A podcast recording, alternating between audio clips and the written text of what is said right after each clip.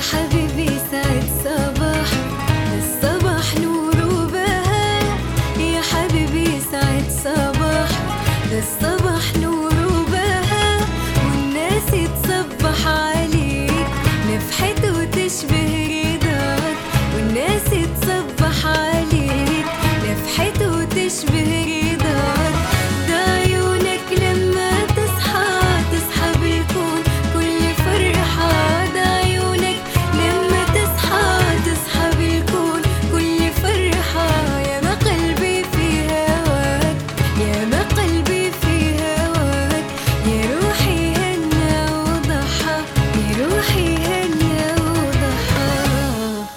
صباح الخير يا عدن.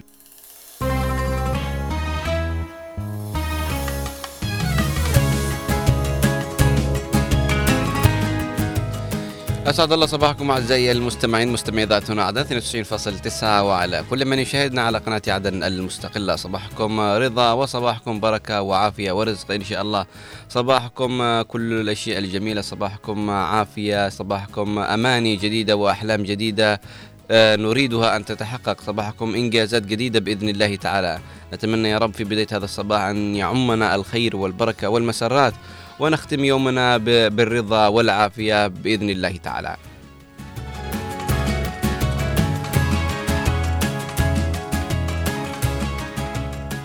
أيضا صباح الخير لكل شخص يستمر بالكفاح مهما كسرت الأيام مجاديفه لكل شخص إيجابي يقاوم لأجل مستقبله وأمنياته ومبتغاه. صباح الخير لمن لا يجدها لمن أستيقظ يبحث عنها لمن يكتبها الآن لمن يقرأها لمن ينتظرها. صباح الخير لكم جميعا ابتسموا وامضوا سعداء. أتمنى لكم يوما جميل.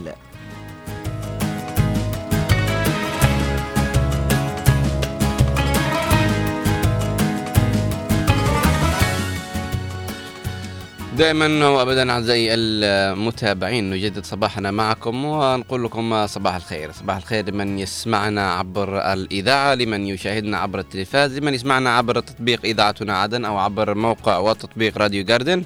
صباح الخير لربات البيوت وصباح الخير لرجال النظافة، صباح الخير لرجال المرور وصباح الخير لجنودنا البواسل المرابطين في الجبهه، صباح الخير لمن استيقظ وذهب إلى صرحه العلمي سواء كان جامعة أو مدرسة. صباح الخير كذلك على العاملين من استيقظوا في هذا الصباح وذاهبين إلى أعمالهم. نتمنى لهم التوفيق والنجاح بإذن الله تعالى.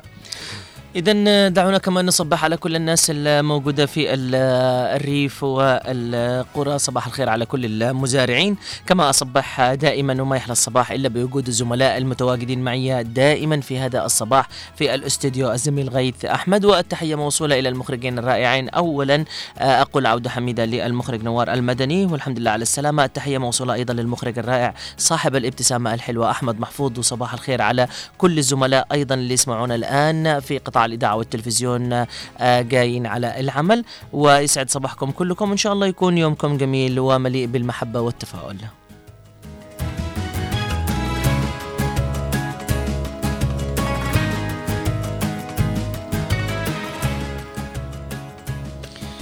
دائما صديقي غسان ما نبدأ صباحنا الجميل بالرسائل الإيجابية والمواقف الإيجابية التي آه، دائما نحب أن نشاركها نحن وكذلك المستمعين والمشاهدين حتى تعم الفائدة فيما بيننا. فدائما الصباح لا يحلو إلا ببدايته. برسالة إيجابية. نعم. آه علشان هكذا آه مستمعينا الكرام رسالتنا لهذا اليوم آه الصباحية أو رسالتنا الإيجابية لهذا اليوم آه بنتكلم فيها عن مسألة العفو عند المقدرة. آه العديد من الناس آه يعني آه للأسف الشديد تلاقي أنه بمجرد أنك تحصل مشكلة مشكلة بينك وبينه يتأثر بشكل كبير جدا ويزعل وممكن يأخذ المشكلة هذه آه، بحقد وممكن البعض يرتبها ويفكرها آه، يعني إنها آه، أشياء لا يمكن أن تغتفر أو تسامح ويبقى يفكر فيها طيلة اليوم. ويبدأ يترصد الأخطاء لكل الناس الذي حوله ويبدأ يترصد أيضا الأخطاء للإنسان الذي ممكن في يوم من الأيام يعني أداه أو زعله أو يعني في يوم من الأيام قد يكون يعني مش بالقصد. عمل هذا الشيء. آه في ناس للأسف الشديد آه ما تخطأ ما تسامح على الخطأ ولا تغفر للخطأ ابدا وكأنها هي الامره والناهيه في الحياة هذه. آه حتى أحيانا مش شرط تكون يعني ما بين ناس غريبة موجودة معك أو ناس في العمل لا ربما تكون أيضا مع أهل بيتك يعني سواء كانوا من أهلك المقربين من الدرجة الأولى أو من الدرجة الثانية هم من أسرة الوالد أو الوالدة. قد يكون أحيانا العم أو العمة تحصل بينهم مشكلة ما بين الأب أو ممكن الخال أو الخاله تحصل مشكلة بينهم مع الأم. آه تلاقي أن الأولاد دائما هم من يحقدوا دائما هم من يفكروا بهذا الشيء حتى أن البعض للأسف الشديد للأسف الشديد يعني آه تحصلوا إنه يحقد بشكل كبير جدا. إذا كان الأب مثلا أو الأم توفوا آه، أثناء حدوث المشكلة مع حد من الأقرباء تلاقي إنه الأبناء يحقدوا على الأهل هذوناك. مع العلم إنهم لو عارفين إنه آه، استمر عمر الأب أو الأم إلى فترة طويلة آه، شوية كانوا غفروا أو سامحوا عن هذا الموضوع وبتلاقيهم أساسا هم بداخلهم مش زعلانين لكن للأسف الشديد تلاقي الأولاد لا متمسكوا بهذا الموضوع بتلاقيهم حاقدين بشكل كبير جدا. اذا السؤال الذي يطرح نفسه هنا ليش إنت يعني زعلان أكثر من زعل الإنسان اللي هو زعلان. وأنت بالأساس بالأساس إذا كنت صاحب الخطأ الأول أو المباشر مع الشخص أو الطرف الثاني إذا أنت ليش واخذ الموضوع بشكل كبير جدا؟ يعني ما أعتقدش إنه أنت بتتأثر بشكل كبير جدا إذا ما سامحتش. ما أعتقدش إنك أنت بتنضر ما أعتقدش إن كرامتك بتنزل للأرض ما أعتقدش إنك أنت بتكون إنسان صغير بنظر الكل ما أعتقدش إنك أنت بتكون إنسان آه، قليل القيمة. آه، بالعكس أنت لو سامحت لو آه، صفحت لو حاولت قدر الإمكان إنك تبادر تحاول قدر الإمكان إنك تغير من هذا الشيء أو من النظرة الأساسية اللي موجودة عندك اعرف إنك أنت بتكون بنظر الكثير من الناس أنت الشخص الإيجابي. فللأسف يا غيت يعني ممكن نلاحظ هذا الشيء إنه خلاص بمجرد الغلط أو الزعل عليه آه، تلاقيه يحقد في قلبه ويمسك ويعبي يعني قلبه بالحقد على الإنسان هذا وبمجرد إنه أي مشكلة صغيرة تلاقيه مترصد الأخطاء وممكن إنه يهدر على الإنسان هذا في كل مكان. إذا ليش نحن نسمح في حياتنا إن نحن نجلس مركزين على هذه الأشياء؟ ليش نحن دائما ننظر إلى الجانب الضيق؟ ليش نحن دائما ننظر إلى الكأس الفارغ؟ ما ننظرش إلى الكأس المليان. ليش نحن ما نحاولش قدر الإمكان إن نحن نحط الأشياء الإيجابية مقابل الأشياء السلبية مع الناس التي حولنا؟ يعني مهما الإنسان غلط علينا مهما الإنسان هذا زعل علينا بس نحاول قدر الإمكان إحنا ننظر إلى الأشياء الإيجابية وبتلاقي. يعني حتى لو كانت علاقتك في الانسان هذا علاقة بسيطة جدا. نقدر نقول يا أستاذ غسان أنه الأمر يعود إلى عدة أسباب ونستطيع أن نبدأها بقولنا أنه الاعتقاد الأعمى سجن للعقل وحدود لوعيه طالما نعم. الناس المحيطين بذاك الشخص أوهمهم وخلاهم يعتقدون أنه إذا تخاصمت مع فلان أعني هو متخاصم مع القبيلة كامل فلا تسامحوا إلا لو سامحت ولا تعفو إلا لو عفوت ولا آه، تنظر إلا لو نظرت. فكذا نلاحظ أن بعض الآباء عندما يتصايحوا وجيرانهم ما يخلي أولاد يلعبوا مع الأولاد ما يخلي زوجته تروح بيتهم. فهذا أنه صنع باعتقادهم أنه الشيء أو جرم كبير إنك تسوي أشياء أنا معترض عنها أو إني ما اطيق أو أحبها. فهذه أحد الأسباب. ولا بد إن إحنا نتذكر إنه فمن عفا وأصلح فأجره على الله. نعم. فبالنهاية هي دنيا وكلنا سنزول ولا نأخذ معنا إلا اللحد والكفن. فلماذا ندخل في خلافات وأحيانا توصل مشاكل ما بين أسر كبيرة بسبب اثنين أطفال كانوا يلعبوا هذا دق هذا وخلاص وقرحت مشكلة وبقي قتل. م. فإحنا نجعل الشيط يعني إحنا نشتغل مكان الشيطان يعني اصبحنا نشتغل مكانه. نعم. تعرف آه غيث كمان يعني لو تجي تشوف آه إنه هذا الموضوع الذي حصل مش على نطاق مشكلة صغيرة فقط لا غير إنه الواحد يكبر المشكلة الصغيرة هذه وما يسامش أو يصبح يعني حتى لما توصل لمرحلة يعني نقدر نقول الجرم أو القتل أحيانا. آه أحيانا يعني يحصل آه، مسألة ظلم في في في القتل أو ممكن ممكن إنه يكون الإنسان غير متعمد يعني في دافع القتل أو نتيجه سبب معين يعني حتى لو كان الإنسان هذا غلطان يعني وحكم عليه في الإعدام يعني مرت عليه فترة طويلة جدا وهو في السجن. قد تحصل أحيانا عقوبة يعني على الشخص هذا بأنه وجوده في داخل السجن هو الأدب الطويل فترة سنين طويلة إلى أن يصدر الحكم بالإعدام. لكن في النهاية يقول لك قبل الإعدام في عفو يعني هل أسرة الشخص الثاني عفت أم ما عفتش. يعني آه، أحيانا أحيانا تيجي تلاقي إنه الشخص الذي قام بالقتل يعني آه هو شخص يملك أطفال أولاد آه أسرة. يعني مليون في المية هو شعر في الندم اتجاه الخطأ أو ديك الساعة الغضب الذي حصل فيها. فشعر بالندم ومرت عليه فترة طويلة في السجن أدبته أكثر من اللازم. فبتلاقي إنه كثير من الناس بيتمسكوا إنه لا حق ابننا بحق ابننا دم ابننا بحق دم ابننا. طبعا الكثير يقول لك لا يعني يعجبك إنه إيش يتمسك في الدين ويقول لك العين بالعين والسن بالسن والبادي أظلم. هذا هذا هذا الشرع يقول هذا الشيء. نعم. لكن في كمان عفو. يعني الله عز وجل عز وجل بجلالة قدره رب العالمين رب السماء. الإنسان مهما غلط مهما آه، يعني ارتكب من معاصي في حياته بتلاقي إن رب العالمين بمجرد إنك بقلب صافي والنية صافية طاهرة إلى الله عز وجل في ليلة من الليالي تطلب من الله الصفح والسماح تلاقي إن رب العالمين غفور رحيم. ما بالك نحن كبشر يعني؟ أنت حتى لو عفيت عن الشخص هذا اتجاه جرم اتجاه مشكلة كانت موجودة معك ما أعتقدش إن لا بتقلل من قيمتك ولا بتنقص ولا الناس بتاخذ عنك شيء ولا هي أساسا بترجع لك الشخص الميت الذي موجود معك آه يعني اللي كان موجود معك في الحياة. لا بالعكس هنا أنت يعني لازم تعرف إنك أنت أمام الناس دول كلهم رفعت شأنك في الحياة ورفعت شأنك أمام الله عز وجل. وصدقنا إنه حتى رب العالمين مهما حصل في عفوك لا يمكن إنه آه يعني آه يغفر للشخص وخطأه. الذي ارتكبه مع الشخص المقتول أو الذي قتله أو تعدى عليه أو إلى آخره. فبتلاقي إنه رب العالمين لا يمكن لا يمكن أن يسامح. ممكن رب العالمين يقبل العفو منك أنت لكن رب العالمين بياخذ وبيحاسب الشخص ده على ارتكابه لهذا الشيء. يعني لكن في النهاية في الأول والأخير أنت مطلوب منك أنك أنت تسامح. فعشان هكذا غيت خلينا أكون صريح معك. يعني م. أنت في الموضوع ده بالنقطة دي في طبعا درجات عند الناس من ناحيه السماح والعفو. يعني نعم. في كثير درجات في ناس يقول لك لا أنا إلى هنا لا يمكن إن أنا أسامح. أفتهم لك؟ وفي بعض الناس يقول لك لا أنا على أي شيء بسامح. فهل أنت من الناس السموحين على كل شيء أم من الناس الذي ممكن لو عالجت المشكلة بتسامح أو كذا كذا بتسامح؟ نقدر نقول آه حسين إنه لو أجينا نفكر بس بشيء آه معين ألا وهو إنه إحنا هل أنت يا غسان بتدخل الجنة بأعمالك؟ آه طبعا أنا بدخل الجنة بأعمالي. أو أوكي إحنا ممكن ندخل الجنة باعمال لكن هل ما قد تكون أعمال سيئة المرجح, النار المرجح إنك تدخل بأعمالك أو تدخل برحمة ربنا آه طبعا بدخل برحمة ربنا بمليون في المية أيوة. وبالأعمال يعني أيوة. لكن أنا إذا كنت شوف أنا إذا كنت سيء في يوم من الأيام يعني في أعمال إيجابية أنا عملتها في داخل حياتي بتشفع لي أمام رب العالمين إن أنا عملتها فبتدخل م. يعني بالنهاية في الجنة بالنهاية هي أعمال أيوة. انت قدمتها أمام الله عز وجل كانت سيئة تأخذك إلى المجال السيء أيوة. وإذا كنت طيبة أقول لك إنه ما فيش أحد 100% يثق إنه بيدخل الجنة بسبب أعمال اللي يقوم فيها بالدنيا. نعم. وإنما كلنا نرجو من الله أن يدخلنا برحمته. صحيح.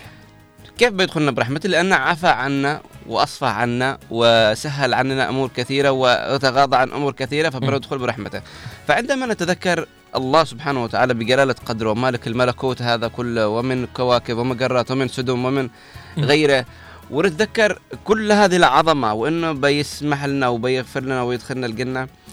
آه نستغرب نقول إحنا ليش نملك الحقد وليش ما نسامحنا في الدنيا؟ تستصغر امامك كل الأمور اللي أنت كنت معصب منها أو زعلان بسببها أو إنك ناوي إنك تقتل فلان بسبب شغلانة معينة. إذا استشعرت عظمة الخالق أزاح عنك كل زينة الدنيا. فأنت أول ما تشعر عظمة أن الله سبحانه وتعالى بجلالة قدره وبكل ما يملك في هذا الكون يسامحك ويدخلك الجنة برحمته. أنت من ما عشان ما هو هو انت أنت عملت لي زي بعض المسائل لما تستضيفهم يكون في عنده تقصير. أنا سألتك سؤال مباشر أنت لفيت لي أنا أسامح والله أنا أسامح. بس أنا أقول لك إنه والله حرفيا يا غسان أنا لما أجي أعصب من فلان أو شخص كذا فأقول يا أخي إن الله غفور رحيم. نعم. أنا ليش أعصب؟ أنسى والله أنا سرعان ما أنسى وأتغاضى. هو فعلا أنت ما يأخذ أحيانا مني حتى ساعة كاملة. أنت أنت أنت يعني قولها شهادة لله عز وجل. أنت من النوع يعني صحيح إنك أحيانا يعني إيش تعصب الواحد واحيانا يعني ممكن إنه واحد يزعل منك. لكن أنت بطبيعة حالك حتى لو زعلت أنت بطبيعة حالك سموح وسريع جدا فعلا. هذه الميزة الحلوة اللي في بك يعني. الله ويخلي الواحد يعني إيش يحبك كمان. فهمت؟ ويضطر إنه يضطر إنه يتنازل عن حاجات كثيرة يعني. ما يلطمك بالضبط. فبالنهاية آه طبعا آه آه مستمعينا الكرام اللي نحن نشي نوصلها من الرساله إنه مهما يعني عفيت مهما سامحت أنت بالنهاية بتعفي أو بتسامح أو بتغفر للشخص الذي اداك في يوم من الأيام أو زعلك. هو لله عز وجل حبا لله عز وجل حبا في الحياة حبا في الناس الطيبة هذه اللي موجودة. فطالما إنه موجود الحب ده شكل من أشكال الحب. طالما إنه موجود الحب فأكيد أنت بتصبح عن أي شيء. زي ما قال غيث في رسالة في بداية الكلام إنه أنت لا آه يعني لا بتاخذ معك مال لا بتاخذ معك ناس لا بتاخذ أي شيء. أنت بالنهاية بتقابل رب العالمين. كل إنسان في الحياة هذه عايش لازم ياخذ آه دي الرسالة وياخذها بعين الاعتبار. إنه لا قبر زيادة في المتر ولا في الطول ولا في العرض ولا كفنك بيكون مميز عن كفن شخص آخر. ولا أنت بتتلحد بلحد مختلف عن الشخص الآخر. كل إنسان في الدنيا دي بيموت. كل الديانات كيف ما كانت بالنهاية تدفن بالنهاية تبقى أنت لوحدك في الدنيا هذه تقابل فيها رب العباد. فأنت في النهاية في الأول والأخير يعني إنسان للأسف الشديد كجسد جسد معفن. فكروح روح آه، ذاهبة إلى الله عز وجل. كعمل أثرك وطيبك هو اللي باقي في الحياة هذه. ما أعتقد إنك إذا ما عفيت ما أعتقد إنك إذا ما سامحت بيأثر عليك وبتكون إنسان صغير في نظر أي آه إنسان. وإنك أنت زي ما تتخول لك بعض الشخصيات لنفوسهم إنهم هم بيكونوا ناس قليلين المستوى في الحياة هذه وإنه هو كذا بيكون مكسور راسه في الأرض. الكلام وقصة راسك في الأرض ما بيكون راسك في الأرض إلا لو غادرت الحياة الدنيا هذه. لكن إذا رفعت شأنك في الحياة سامحت غفرت حاولت قدر الإمكان إنك آه يعني آه تعطي لكل إنسان آه يعني المعذرة وإنك تتلمس العذر لكل إنسان اعرف إنك أنت بتكون في الحياة آآ آآ يعني آآ لك شأن كبير وعند الله كمان شأنك أكبر وأكثر لأنه ما في بعد الله عز وجل فإذا الله غفور رحيم ما بالك في نحن البشر. أتمنى إن الناس كلها اللي زعلانة من بعض تحاول قدر الإمكان تسامح والناس اللي واخدة كمان في قلبها أو فيها كذا مقدسة كذا أكثر من شيء على إنسان في حياتي أو قريب لها أو أي حد حاول قدر الإمكان إنك ترتب أفكارك ترجع تنظر إلى الشيء الإيجابي والحلو الذي جمعك بالإنسان هذا وحاول قدر الإمكان تسمح سواء كان جار سواء كان أخ سواء كان عم خال ابن خال صحيح. ابن عم في شيء إيجابي في شيء حلو لازم يكون بينكم لأنه أنت ما بتدخل بمشكلة مع حد إذا ما كان يجمعك في الأشياء الحلوة. فحاولوا قدر الإمكان إنكم تنشروا نوع من أنواع المحبة وهي التسامح وحاولوا قدر الإمكان إنكم تنشروا الحب في الحياة. أتمنى أن تكون رسالتنا الصباحيه وصلت وأتمنى أنكم متسامحين أتمنى أنكم تنشروا الابتسامة على عموم المكان والارجاء اللي أنتم فيه حتى ولو كنتم في الطريق أو فوق الباصات أو في أي مكان. صباحكم حلو صباحكم مليء بالحب والتسامح. مننا نحن طاقم البرنامج الصباحي. دعونا نستمع لهذه الأغنية من اختيار الزميل الرائع نوار المدني ثم نعود لكم.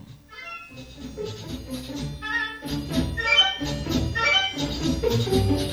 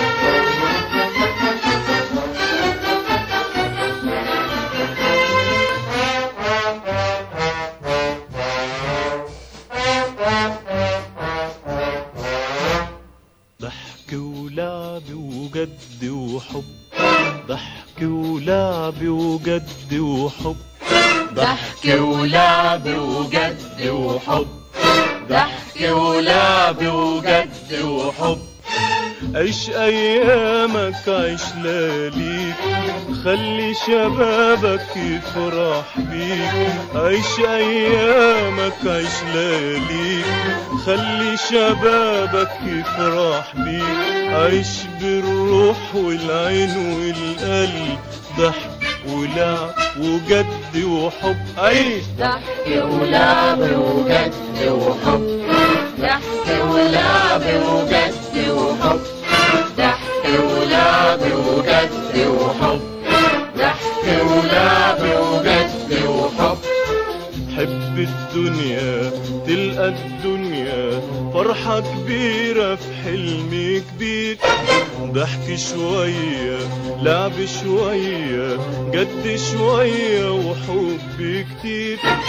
حب الدنيا تلقى الدنيا. فرحة كبيرة في حلم كبير. ضحك شوية لعب شوية جد شوية وحب كتير. عيش أيامك عيش على طول خلي شبابك عمره يطول. عيش أيامك عيش على طول خلي شبابك عمره يطول. افرح ارقص غني قد ما تقدر عيش. عيش،. دي اللحظة اللي تعدي بتروح ما تجيش. افرح ارقص غني قد ما تقدر عيش. دي اللحظة اللي تعدي بتروح ما تجيش. عيش أيامك. ضحك ولعب وجد وحب. عيش. عيش احلامك عيش بالروح والعين والقلب. عيش ايامك ضحك ولعب وجد وحب. عيش. عيش احلامك عيش بالروح والعين والقلب. عيش أيامك عيش لياليك. خلي شبابك يفرح بيك. عيش ايامك عيش لياليك خلي شبابك يفرح بيك عيش بالروح والعين والقلب. ضحك ولعب وجد وحب. ضحك ولعب وجد وحب.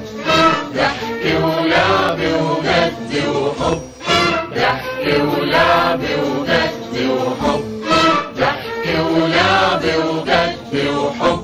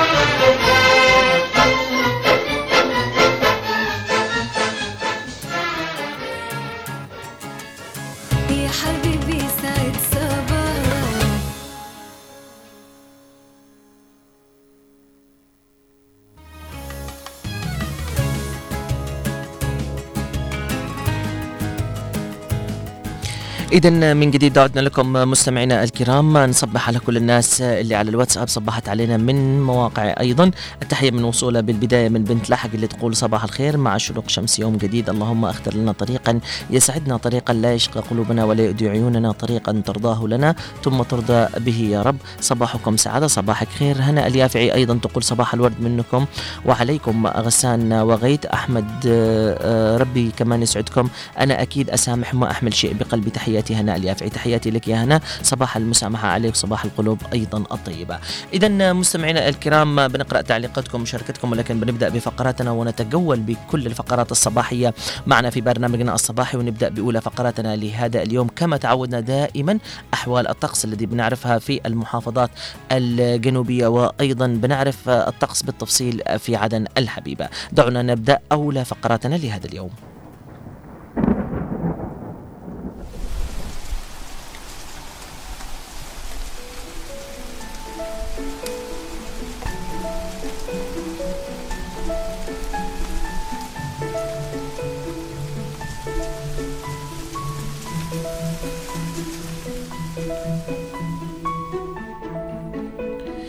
لأولى فقرات برنامجنا الصباحي لهذا اليوم. نبدأ بفقرة الطقس من لحق الخضيرة. صباحكم سعادة ويكون طقسكم في النهار صافي مع ظهور بعض السحب المتفرقة على فترات وتكون درجة الحرارة العظمى 31 درجة مئوية. وسيكون الطقس ليلا غالبا صافيا عندكم وتكون درجة الحرارة الصغرى 23 درجة مئوية.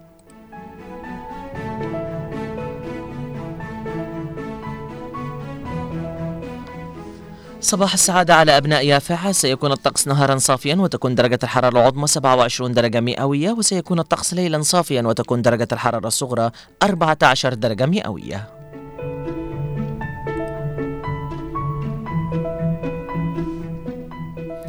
وصباح السعادة على كل من هم في أبين. نهاركم أيضا رائع مع ظهور بعض السحب المتفرقة مع السماء الصافية على فترات وتكون درجة الحرارة العظمى 30 درجة مئوية. وسيكون الطقس ليلا صافيا مع ظهور بعض السحب المتفرقة على فترات وتكون درجة الحرارة الصغرى 24 درجة مئوية.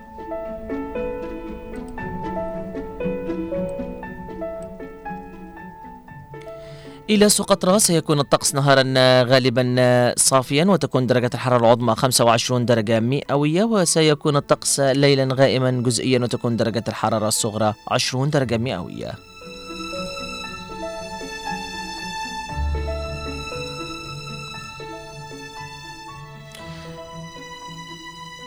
يسعد صباح كل من يسمعنا من الضالع نهاركم صافي وتكون درجة الحرارة العظمى 25 درجة مئوية وسيكون الطقس ليلا غالبا صافيا وتكون درجة الحرارة الصغرى 12 درجة مئوية.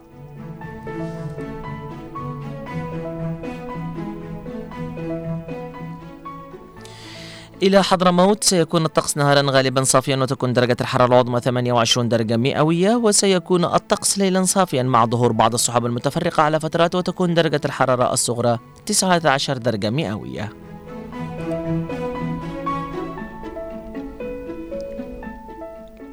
وإلى المهرة سيكون الطقس نهارا صافيا مع ظهور بعض السحب المتفرقة على فترات وتكون درجة الحرارة العظمى 29 درجة مئوية.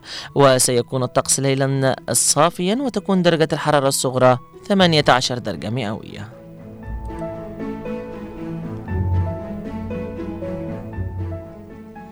يسعد صباح كل من يسمعنا من شبوة. سيكون نهاركم صافيا وتكون درجة الحرارة العظمى 30 درجة مئوية. وسيكون الطقس ليلا غالبا صافيا وتكون درجة الحرارة الصغرى 15 درجة مئوية.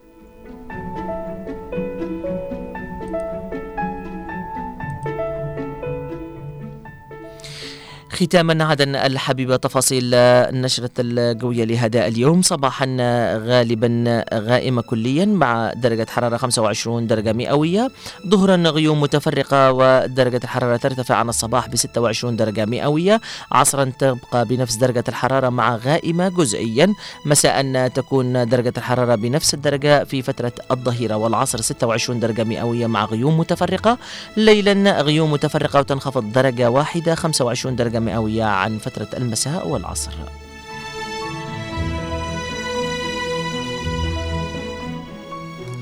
الرياح في عدن الحبيبة آه، صباحا 25 كيلومتر في الساعة شرقية وظهرا 22 كيلومتر في الساعة أيضا شرقية تستمر شرقية آه، عصرا بدرجة آه، بكيلومتر في الساعة 19 كيلومتر في الساعة 20 كيلومتر في الساعة شرقية مساء وترتفع بدرجتين 22 كيلومتر في الساعة وتكون شرقية في فترة الليل.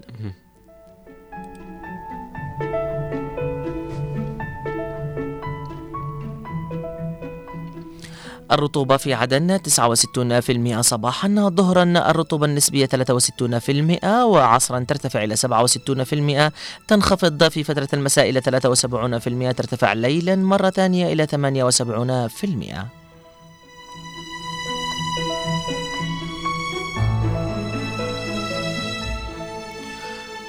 ملخص النشرة في عدن الحبيبة آه، سيكون آه، النهار صافي مع ظهور بعض السحب المتفرقة على فترات وتكون درجة الحرارة العظمى 26 درجة مئوية. وسيكون الطقس ليلا صافيا مع ظهور بعض السحب المتفرقة على فترات وتكون درجة الحرارة الصغرى 25 درجة مئوية.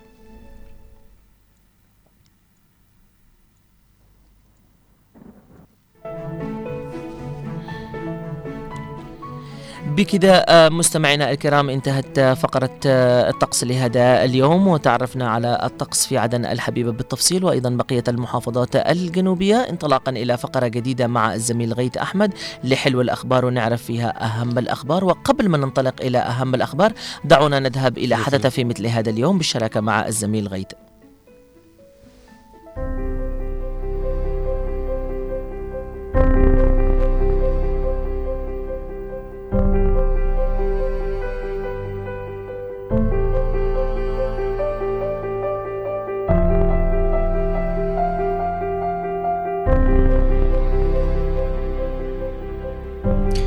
في مثل هذا اليوم في السادس والعشرين من ديسمبر.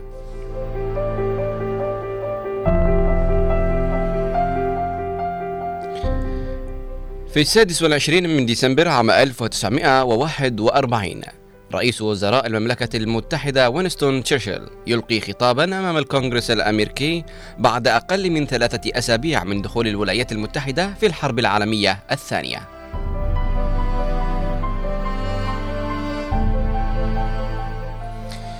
وفي مثل هذا اليوم من عام 1898 ماري كوري وزوجها بيان كوري يكتشفان مادة الراديوم المشعة.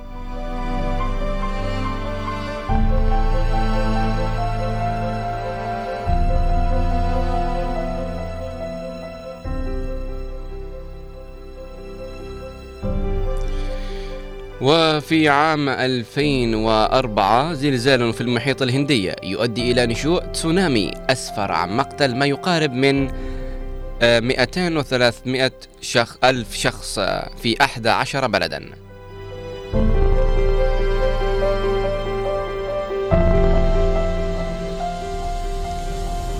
وفي مثل هذا اليوم من عام 1992 وزير المالية وزير التخطيط الكويتي ناصر رضوان يقوم بإعادة افتتاح أبراج الكويت بعد أن تعرضت للتخريب والسلب والدمار خلال الغزو العراقي للكويت.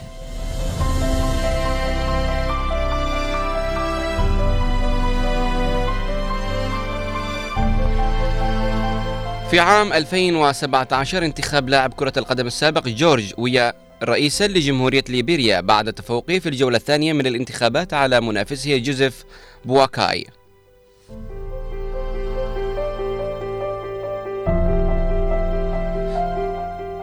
ومن مواليد هذا اليوم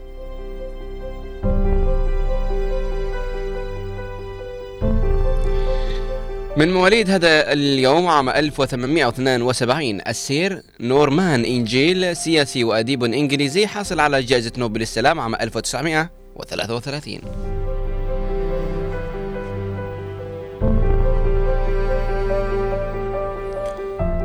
وفي مثل هذا اليوم ولد من عام 1921 الفنان والممثل المصري كمال الشناوي.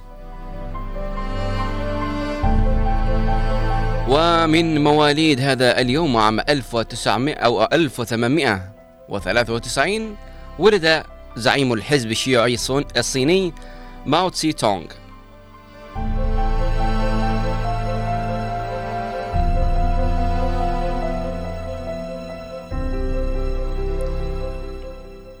وفي مثل هذا اليوم من مواليد 1940 الدكتور إدوارد بريسكوت اقتصادي أمريكي حاصل على جائزة نوبل في العلوم الاقتصادية عام 2004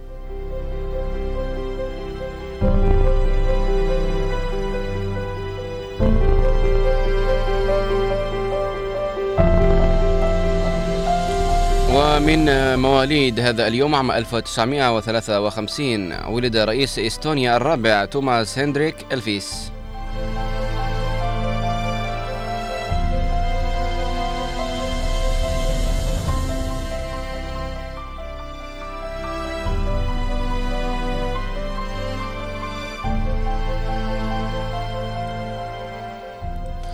ومن وفيات هذا اليوم عام 1530 ظهير الدين بابر آه، مؤسس سلطنة مغول الهند وأول سلاطينها.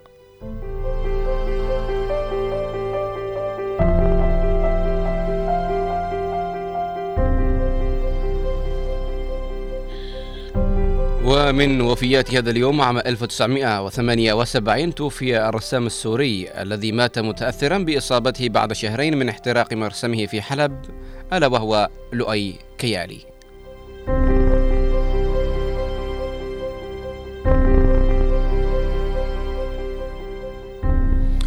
وفي مثل هذا اليوم أيضا من وفيات عام 1869 كان لويس ماري طبيب وعالم فيزيائي وظائف الأعضاء في فرنسا.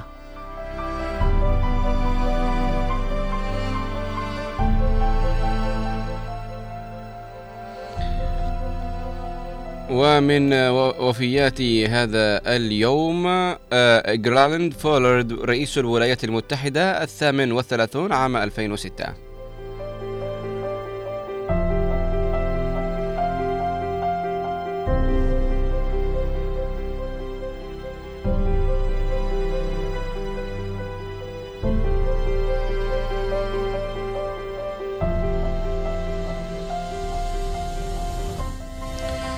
وأيضا آه، من وفيات هذا اليوم عام 1978 مصطفى إسماعيل قارئ بإذاعة القرآن الكريم في القاهرة.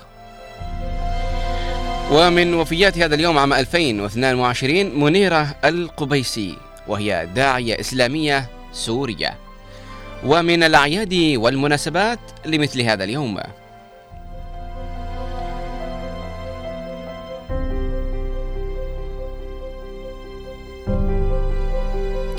يوم الصناديق في المملكة المتحدة ودول الكومونولث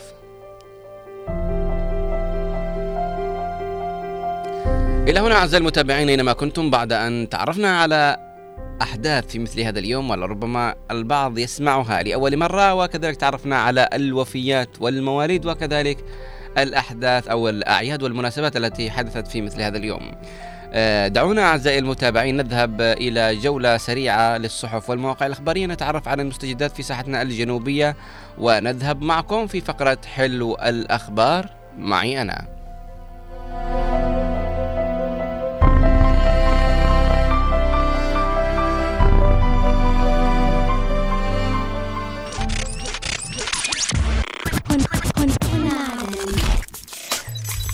هنا عدن اف ام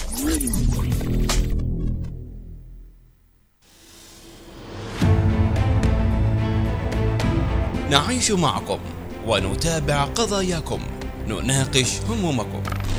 المواطن أو المستمع يقول لك يعني نسمع عن كذا كذا وكيل وكلاء وكلاء بالكيلو. لا معلمين لا كتاب مدرسي الناس في ظل هذا الوضع المزري. لا خدمات لا رواتب لا معاشات. ترفعوا رسائل وما حد يقرأ رسائلكم. لا لا الآن اللي بيسمعوك بيقولوا هذا الكلام لا يودي ولا يقيس المجتمع يعرف المجتمع يعرف يعني إيش دوركم. فرسائلكم مسموعة وأينما كنتم ننقلها إلى المعنيين في برنامج وطني. وطني من الأحد إلى الخميس في تمام الساعة التاسعة صباحاً.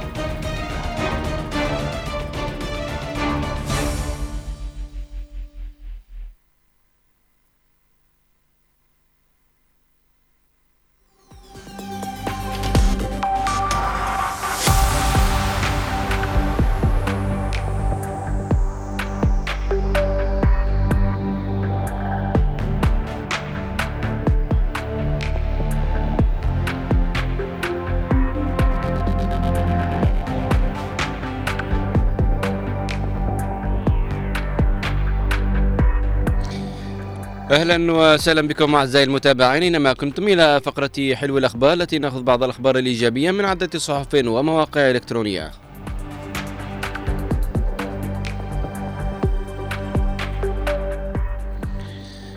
ونبدأها بالموقع الرسمي للمجلس الانتقالي الجنوبي وفيها نقرأ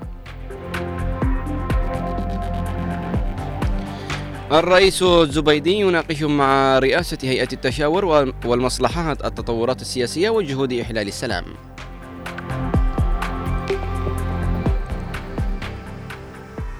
ومن بند أخبار الجنوب فريق من الأمانة العامة يلتقي رئيس الهيئة التنفيذية المساعدة لانتقال وادي وصحراء حضرموت.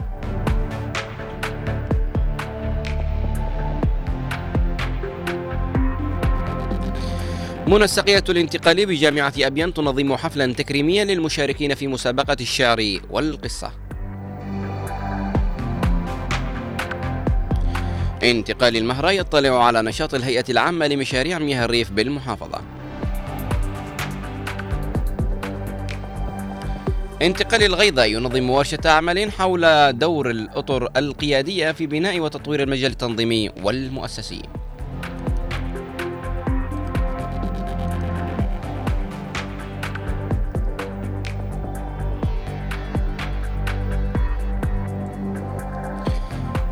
وانتقالا إلى موقع وصحيفة 4 مايو وفيها نقرأ.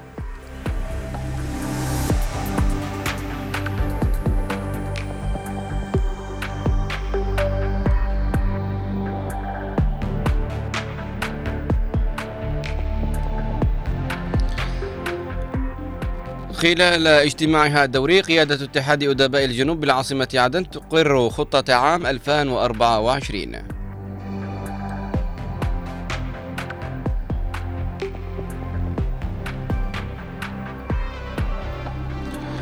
بحضور النمري والشعوي إجراء عملية الاستلام والتسليم بين قيادة اللجان المجتمعية في البريقة.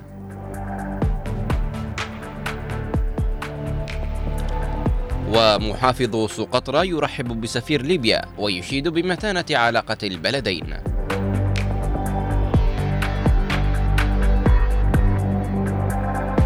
وسياسيون يقولون أن شبوة وأبنائها الأبطال لن يغردوا خارج السرب الجنوبي.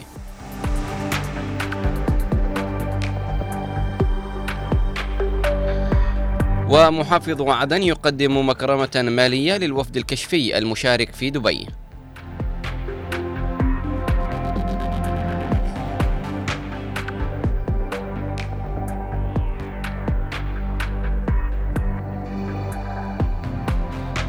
وبن فريد وآل جابر يناقشان القضايا السياسية في الجنوب واليمن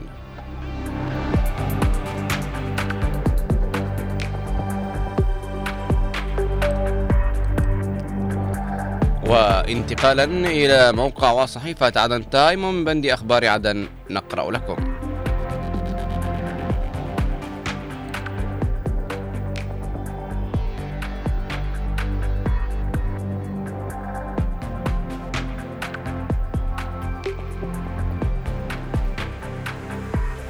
وتدشين صرف مرتبات ألوية العمالقة الجنوبية بنظام البصمة عبر بنك القطيبي. وبحث وبحث معالجة طفح مياه الصرف الصحي في عدد من أحياء مدينة عدن.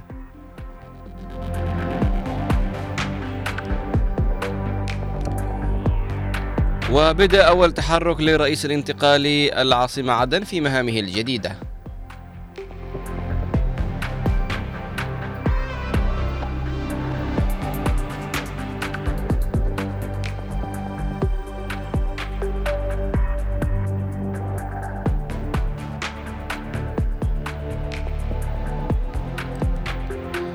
ومن عدن تام إلى بند أخبار المحافظات نقرأ لكم.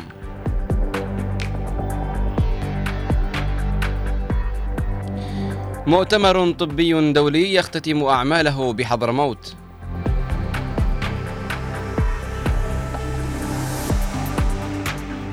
ورشة عمل حول اللائحة ال- آه، التقنية الخليجية لترشيد استهلاك المياه.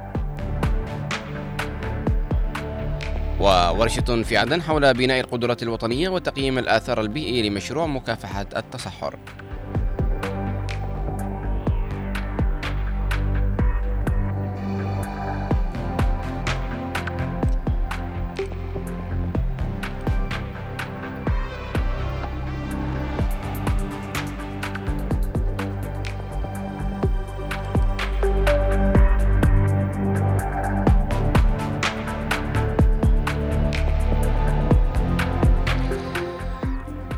ومن منبر عدن نقرأ لكم. افتتاح قاعتين للتدريب والتأهيل في مستشفى محمد بن زايد الجراحي بالضالع ورئيس الجمعية الوطنية يناقش مع برنامج مؤسسة نبض الحياة في عدن. ومعهد لوس أنجلوس يقدم 100 منحة دراسية مجانية لأبناء مديرية تبن بلا حجة.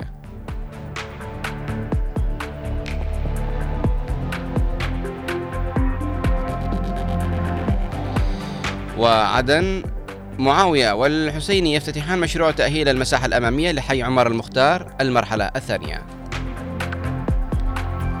وأخيرا ننتقل إلى الأخبار الأمنية من موقع درع الجنوب الموقع الرسمي للقوات المسلحة الجنوبية. فيها نقرأ. العميد الوالي يشيد بإنجازات حزام القطاع الأول ويؤكد 2024 سيكون عام تطهير الجنوب من آفة المخدرات.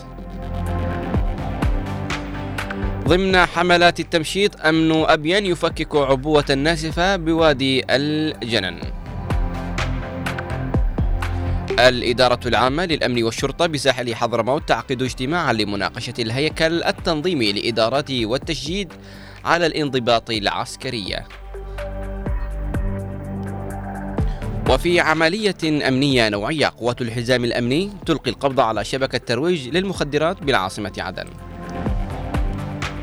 إلى هنا أعزائي المتابعين أينما كنتم نكون أنهينا فقرة حلو الأخبار وتجولنا في بعض الصحف والمواقع الأخبارية وتعرفنا على المستجدات في الساحة الجنوبية وكانت كثيرة ونتمنى يا رب أن تستمر هذه الأخبار الإيجابية ليس فقط في عدن وليس فقط في لهج أبين وإنما في كافة المحافظات الجنوبية. نتمنى يا رب لهم السلامة وأن الازدهار بالمجالات الخدمية والتنموية. نعم.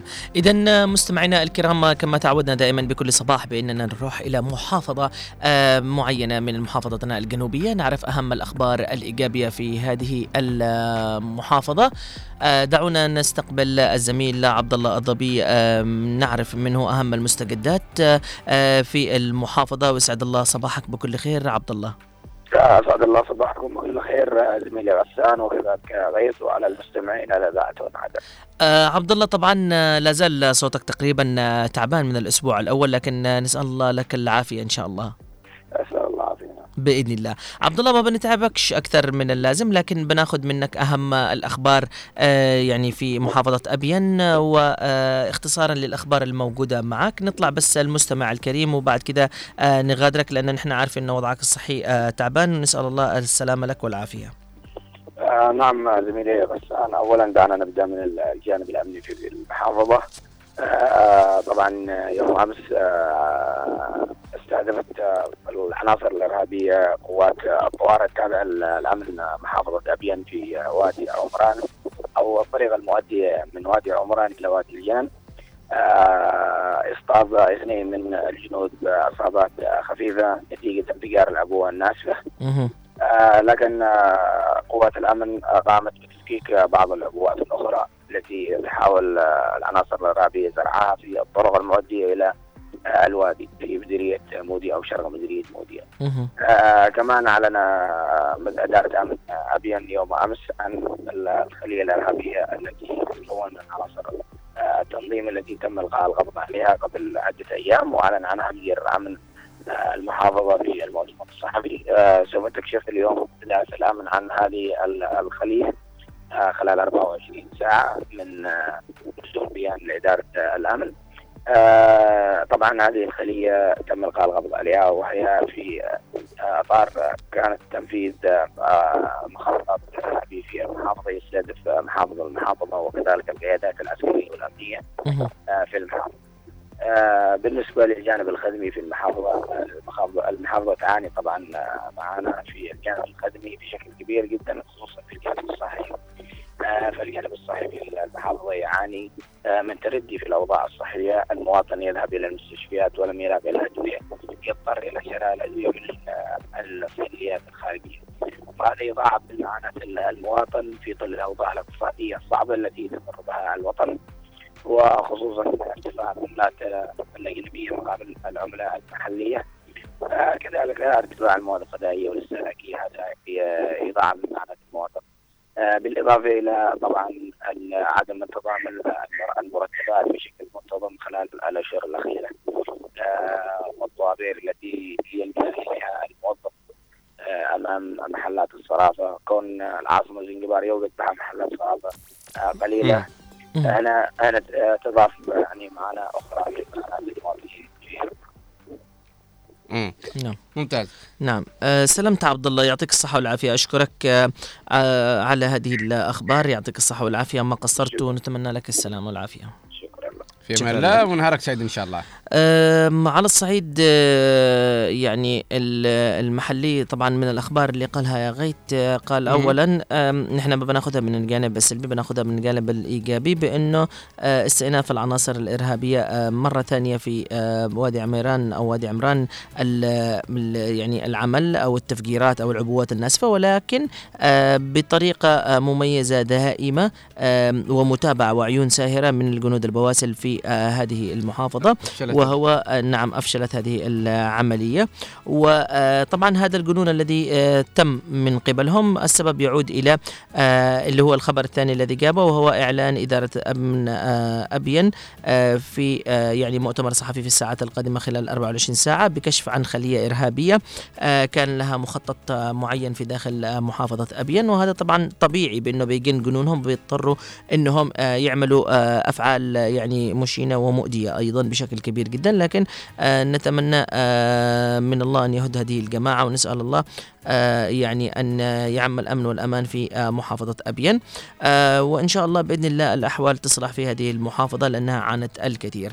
أعتقد إنه كذا آه، انتهت فقره الأخبار وأيضا عرفنا أهم الأخبار من محافظة أبين لهذا اليوم.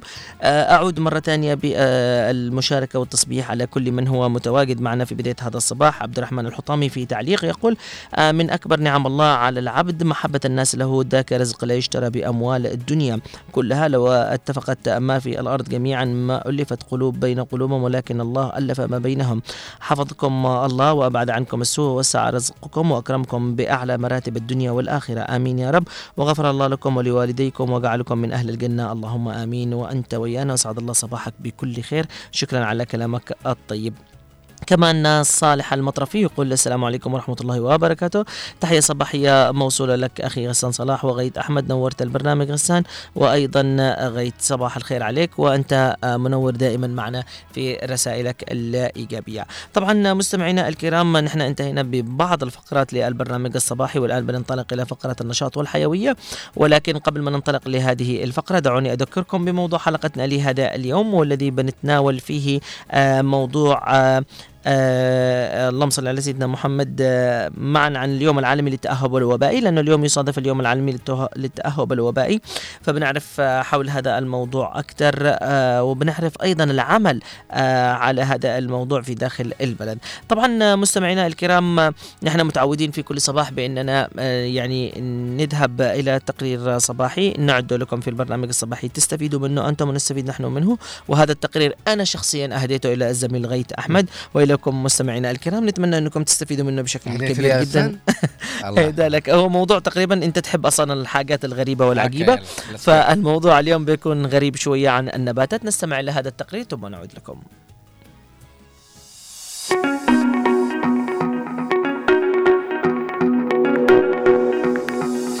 الخير على غيث وعلى المستمعين الكرام. اليوم بعطيكم معلومات ومعلومتنا لهذا اليوم بتكون عن النباتات.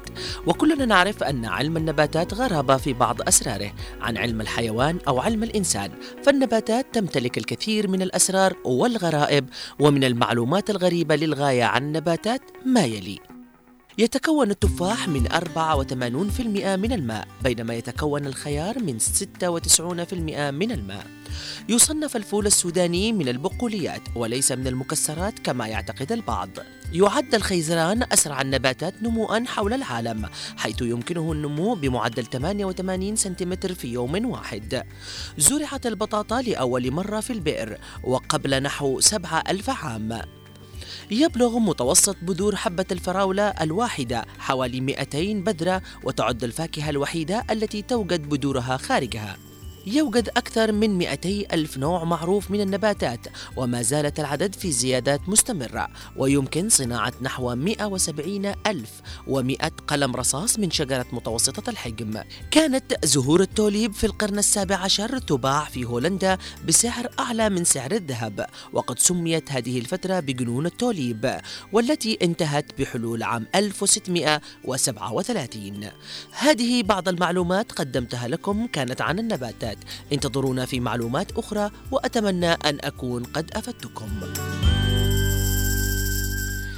طبعا آه، الغريب آه، في المعلومات اللي قدمت لك آه، زهرة التوليب بأنه جت في فترة من الفترات تخيل أن هذه الزهرة كانت تباع أغلى من الذهب.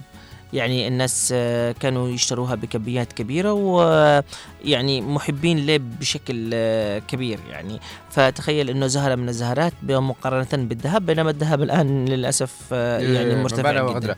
كمان نعم. البطاطا إنه يعني بعضهم يعتقد إنها حديثة لأنها لكنها وجدت قبل 7000 عام, آه عام. نعم بالضبط آه أيضا آه، الفراولة آه تخيل ان بذور الفراولة مش خارج. في الخارج مش في الداخل مم. نعم هذا آه، من المعلومات تقريبا آه، فيها أكثر من بذره يعني تقدر من حبة الفراولة تزرع أكثر من آه اللي البذور. يعني الفراولة مش نلاحظ إنه حول الفراولة كذا في نقاط كذا سوداء أيوة. هذيك النقاط السوداء هي عبارة عن البذور بذور، لو إحنا نعم. ناخذها كذا بمنطب أو ملقاط كذا ونغرسها.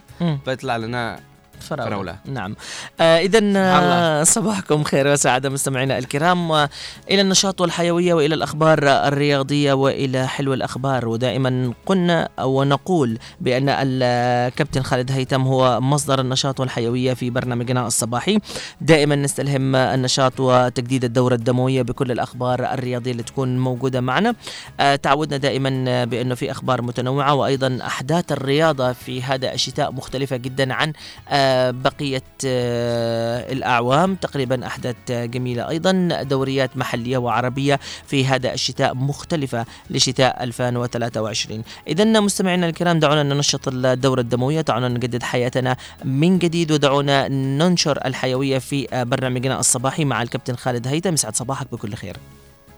صباح الخير يا غسان. صباح الورد طبعا غيث. الحمد لله على السلامة أنوار المدني. الله. نعم.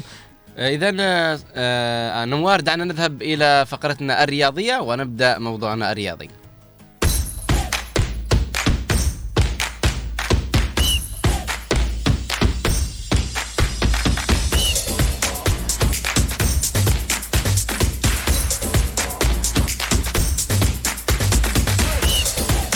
عودة سريعة لكم مستمعينا ومشاهدينا الكرام. أينما كنتم إلى فقرتنا الرياضية التي دائما وأبدا مع الكابتن خالد. كابتن خالد دعنا اليوم نبدأ بالفقرة المحلية أو الفقرات المحلية ونبدأ نتحدث عن دائرة الشباب والرياضة ما مستجداتها.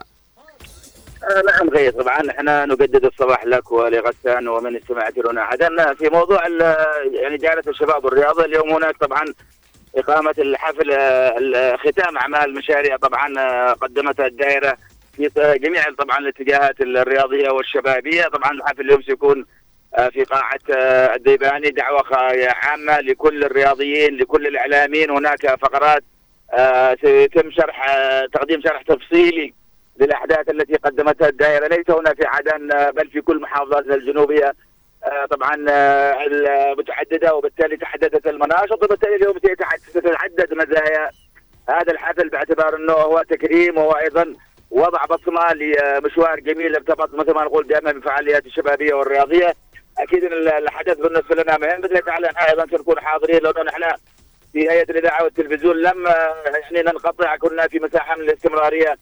كنا شاهد عيان على كثير من المناشط التي قدمت. بالتوفيق لدائرة الشباب وتفاصيل الحفل. وأكيد باذن تعالى في الغد سنضع حديث أيضا في متابعة المجريات.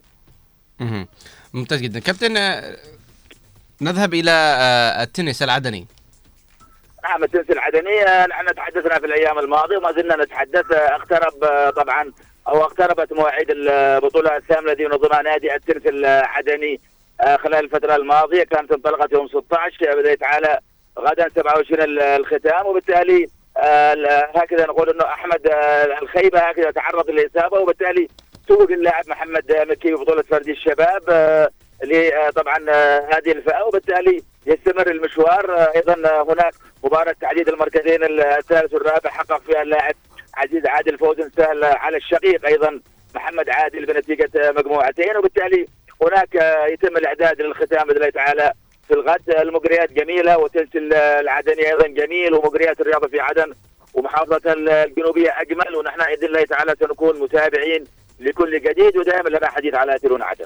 نعم كابتن. طبعا الأخبار المحلية الرياضية لهذا اليوم في الصعيد المحلي آه، كثيرة جدا.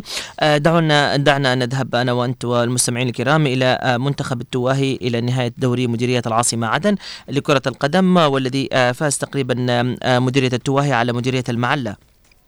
طبعا إحنا أمس تحدثنا أمس غسان عن بلوغ فريق منتخب المنصورة لنهائي البطولة. أمس أيضا التواهي التحق بالمنصورة ليكون المشهد الختامي ما بين مديريتي المنصورة والتواهي طبعا المنصورة التواهي أمس حقق الفوز بصعوبة طبعا بهدف على فريق خور مكسر وبالتالي مباريات ومعطيات الحديث مع نجوم الزمن الجميل والمخضرمين. حديث جميل آه، غسان يرتبط بالعمر يرتبط آه، بشيء من نقول هكذا من جوانب ال- ال- ال- الفنية المرتبطة بكرة القدم. هؤلاء أيضا الكبار يريدون أن يرتبطون بمواعيد الملعب المعشب المنافسة لديهم ما زالت حيوية وحضور وبالتالي نحن دائما في هنا عدن غسان وغيتنا يعني نلامس السعادة عندما نتابع أخبار هذه المعطيات مع كرة القدم وأي لعبة أخرى. وبالتالي أكيد أنه سنتحدث في قادم الأيام عن النهائي من سيكون طرفي المش... التتويج إما المنصورة أو أيضا فريق التواهي سنتابع المعطيات. ولنا حديث متابعة. نعم كابتن. كابتن نذهب إلى آه، كأس السوبر المصري. نعم طبعا أمس حصلت حادثة في السوبر المصري أنه فريق آه، يعني حقيقة فريقين هكذا بالأصح هما فيوتشر وبيراميدز خاضا مباراة نصف النهائي للتأهل إلى النهائي. المباراة انتهت بالتعادل ولجا الفريقين إلى ركلات الترجيح لكن ظاهره غريبه أن الفريقين سددا 34 ركلة ترجيحية حتى حسم الأمر ب 14 ل 13 لصالح آه، فيوتشر مباراة يعني كرة القدم في بعض المواعيد تعطينا شيء مختلف وأعتقد إنه أمس آه، كان هناك شيء مختلف في المباراة لأنه آه، اعتدنا على ست ركلات ثمان ركلات تسع ركلات في بعض المواعيد 11 لكن أنه نصل إلى 17 هنا و17 هنا 34 حدث آه، في ظل في ال- الأرقام القياسية. غيث نبارك طبعا لفيوتشر الص- الصعود إلى النهائي. أيضا الأهلي أمس صعد إلى النهائي بالفوز أيضا في نهائي بمعنى في نصف نهائي كاس السوبر عندما أيضا تفوق بهدف آه، نظيف آه، وبالتالي آه، تأهل إلى أيضا المباراة النهائية وبالتالي نقول إنه الفوز أيضا على سيراميكا كولابوترا منح ال- الأهلي تأشيرة ال- العبور إلى موعد جديد ربما يحقق فيه بطولة أخرى تضاف إلى بطولات الأهلي الكبيرة التي كان حقق المركز الثالث في بطولة مونديال العالم للأندية سنتابع مباريات ومعطيات الكرة المصرية والعربية في قادم الأيام. نعم. آه كابتن طبعا آه نعود مرة ثانية إلى الأخبار آه المحلية ضمن مباريات دوري شهداء ردفان والجنوب بالنسخة الخامسة. حدثنا عن هذا الدوري. نعم غسان ما في مشكلة أنه دور الشهداء يقام برعاية خاصة من رئيس القائد عيدروس بن قاسم الزبيدي. أيضا متابعة وضاح الحالي من رئيس انتقالي لحق. هناك إشراف أيضا ودعم أيضا ال- المختار النوبي قائد محوري كرش وأبيان. وبالتالي في خامس مباريات الدور الأول والتي تقام على ملعب جابر هناك. آه، حقيقة أنه آه، فريق آه، العمري حقق الفوز على فريق المزاحمي بثلاثة أهداف آه، لهدفين وبالتالي تستمر غسان مساحات الوفاء والذهاب إلى التضحيات في كل محافظاتنا. الجنوبية. نعم كابتن. إذا كابتن دعنا للأخبار الدولية الرياضية ونذهب إلى نادي إنتر ميلان والاتفاق النهائي لتمديد عقد أحد النجوم آه، في آه، النادي. حدثنا عن هذا الموضوع.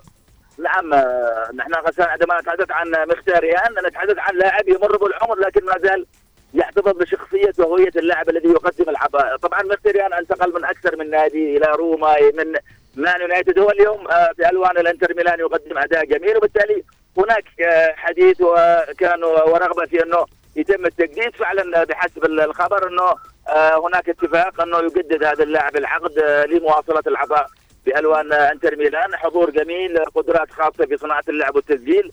أكيد أنه العقد أكتمل هناك آه، سيتم الإعلان عنه خلال اليومين ال- أو اليوم. وبالتالي هناك تجديد لموسمين وليس لموسم واحد. لاعب جميل حقيقة يقدم عطاء جميل بألوان الإنتر ميلان. كابتن آه، خالد آه، صحيفة آه، توتو سبورت يعني تقول أن الدوري الإيطالي توعد اللاعبين بعقوبات في بعد انتهاء الدور السابع عشر. نعم هناك قوانين غيث هناك صرامة هناك لوائح لا تقبل وبالتالي بحسب الصحيفة الإيطالية مثل ما قلت أنه فإن أندريا كامبياسو طبعا المدافع اليوفنتوس تأكد غيابه لمباراة واحدة نظرا لتراكم البطاقات. أيضا هناك إضافة إلى أنه فيكتور أوسيمن الذي كان خسر مباراة آه، نابولي أمام روما بهدفين. كان أيضا وقع للتجديد مع نابولي أيضا. هناك آه، سيتم أيضا- إيقافه أيضا في المباراة آه، واحدة بعد أن طرد في المباراة الماضية. وبالتالي حديث اللوائح والعقوبات دائما له حيز في مباريات كرة القدم العالمية والأوروبية نحن سنتابع كل جديد. نعم. هل هناك مباريات؟ نعم الدوري الإنجليزي. كرة القدم في كل العالم ما تتوقف غيث وغسان إلا في إنجلترا. هناك ما يسمى بال Boxing Day طبعا مباريات مضغوطة أربع مباريات تقريبا في 10 أيام. وبالتالي تنطلق اليوم بمباراة واحدة طبعا اليوم في الثالثة والنصف نيوكاسل مع نوتنغهام فورست في السادسة شيفيلد طبعا يونايتد مع لوتون تاون ثم في نفس التوقيت بورنموث مع فولهام أيضا في الثامنة آه، والنصف آه، بيرلي آه، مع ليفربول.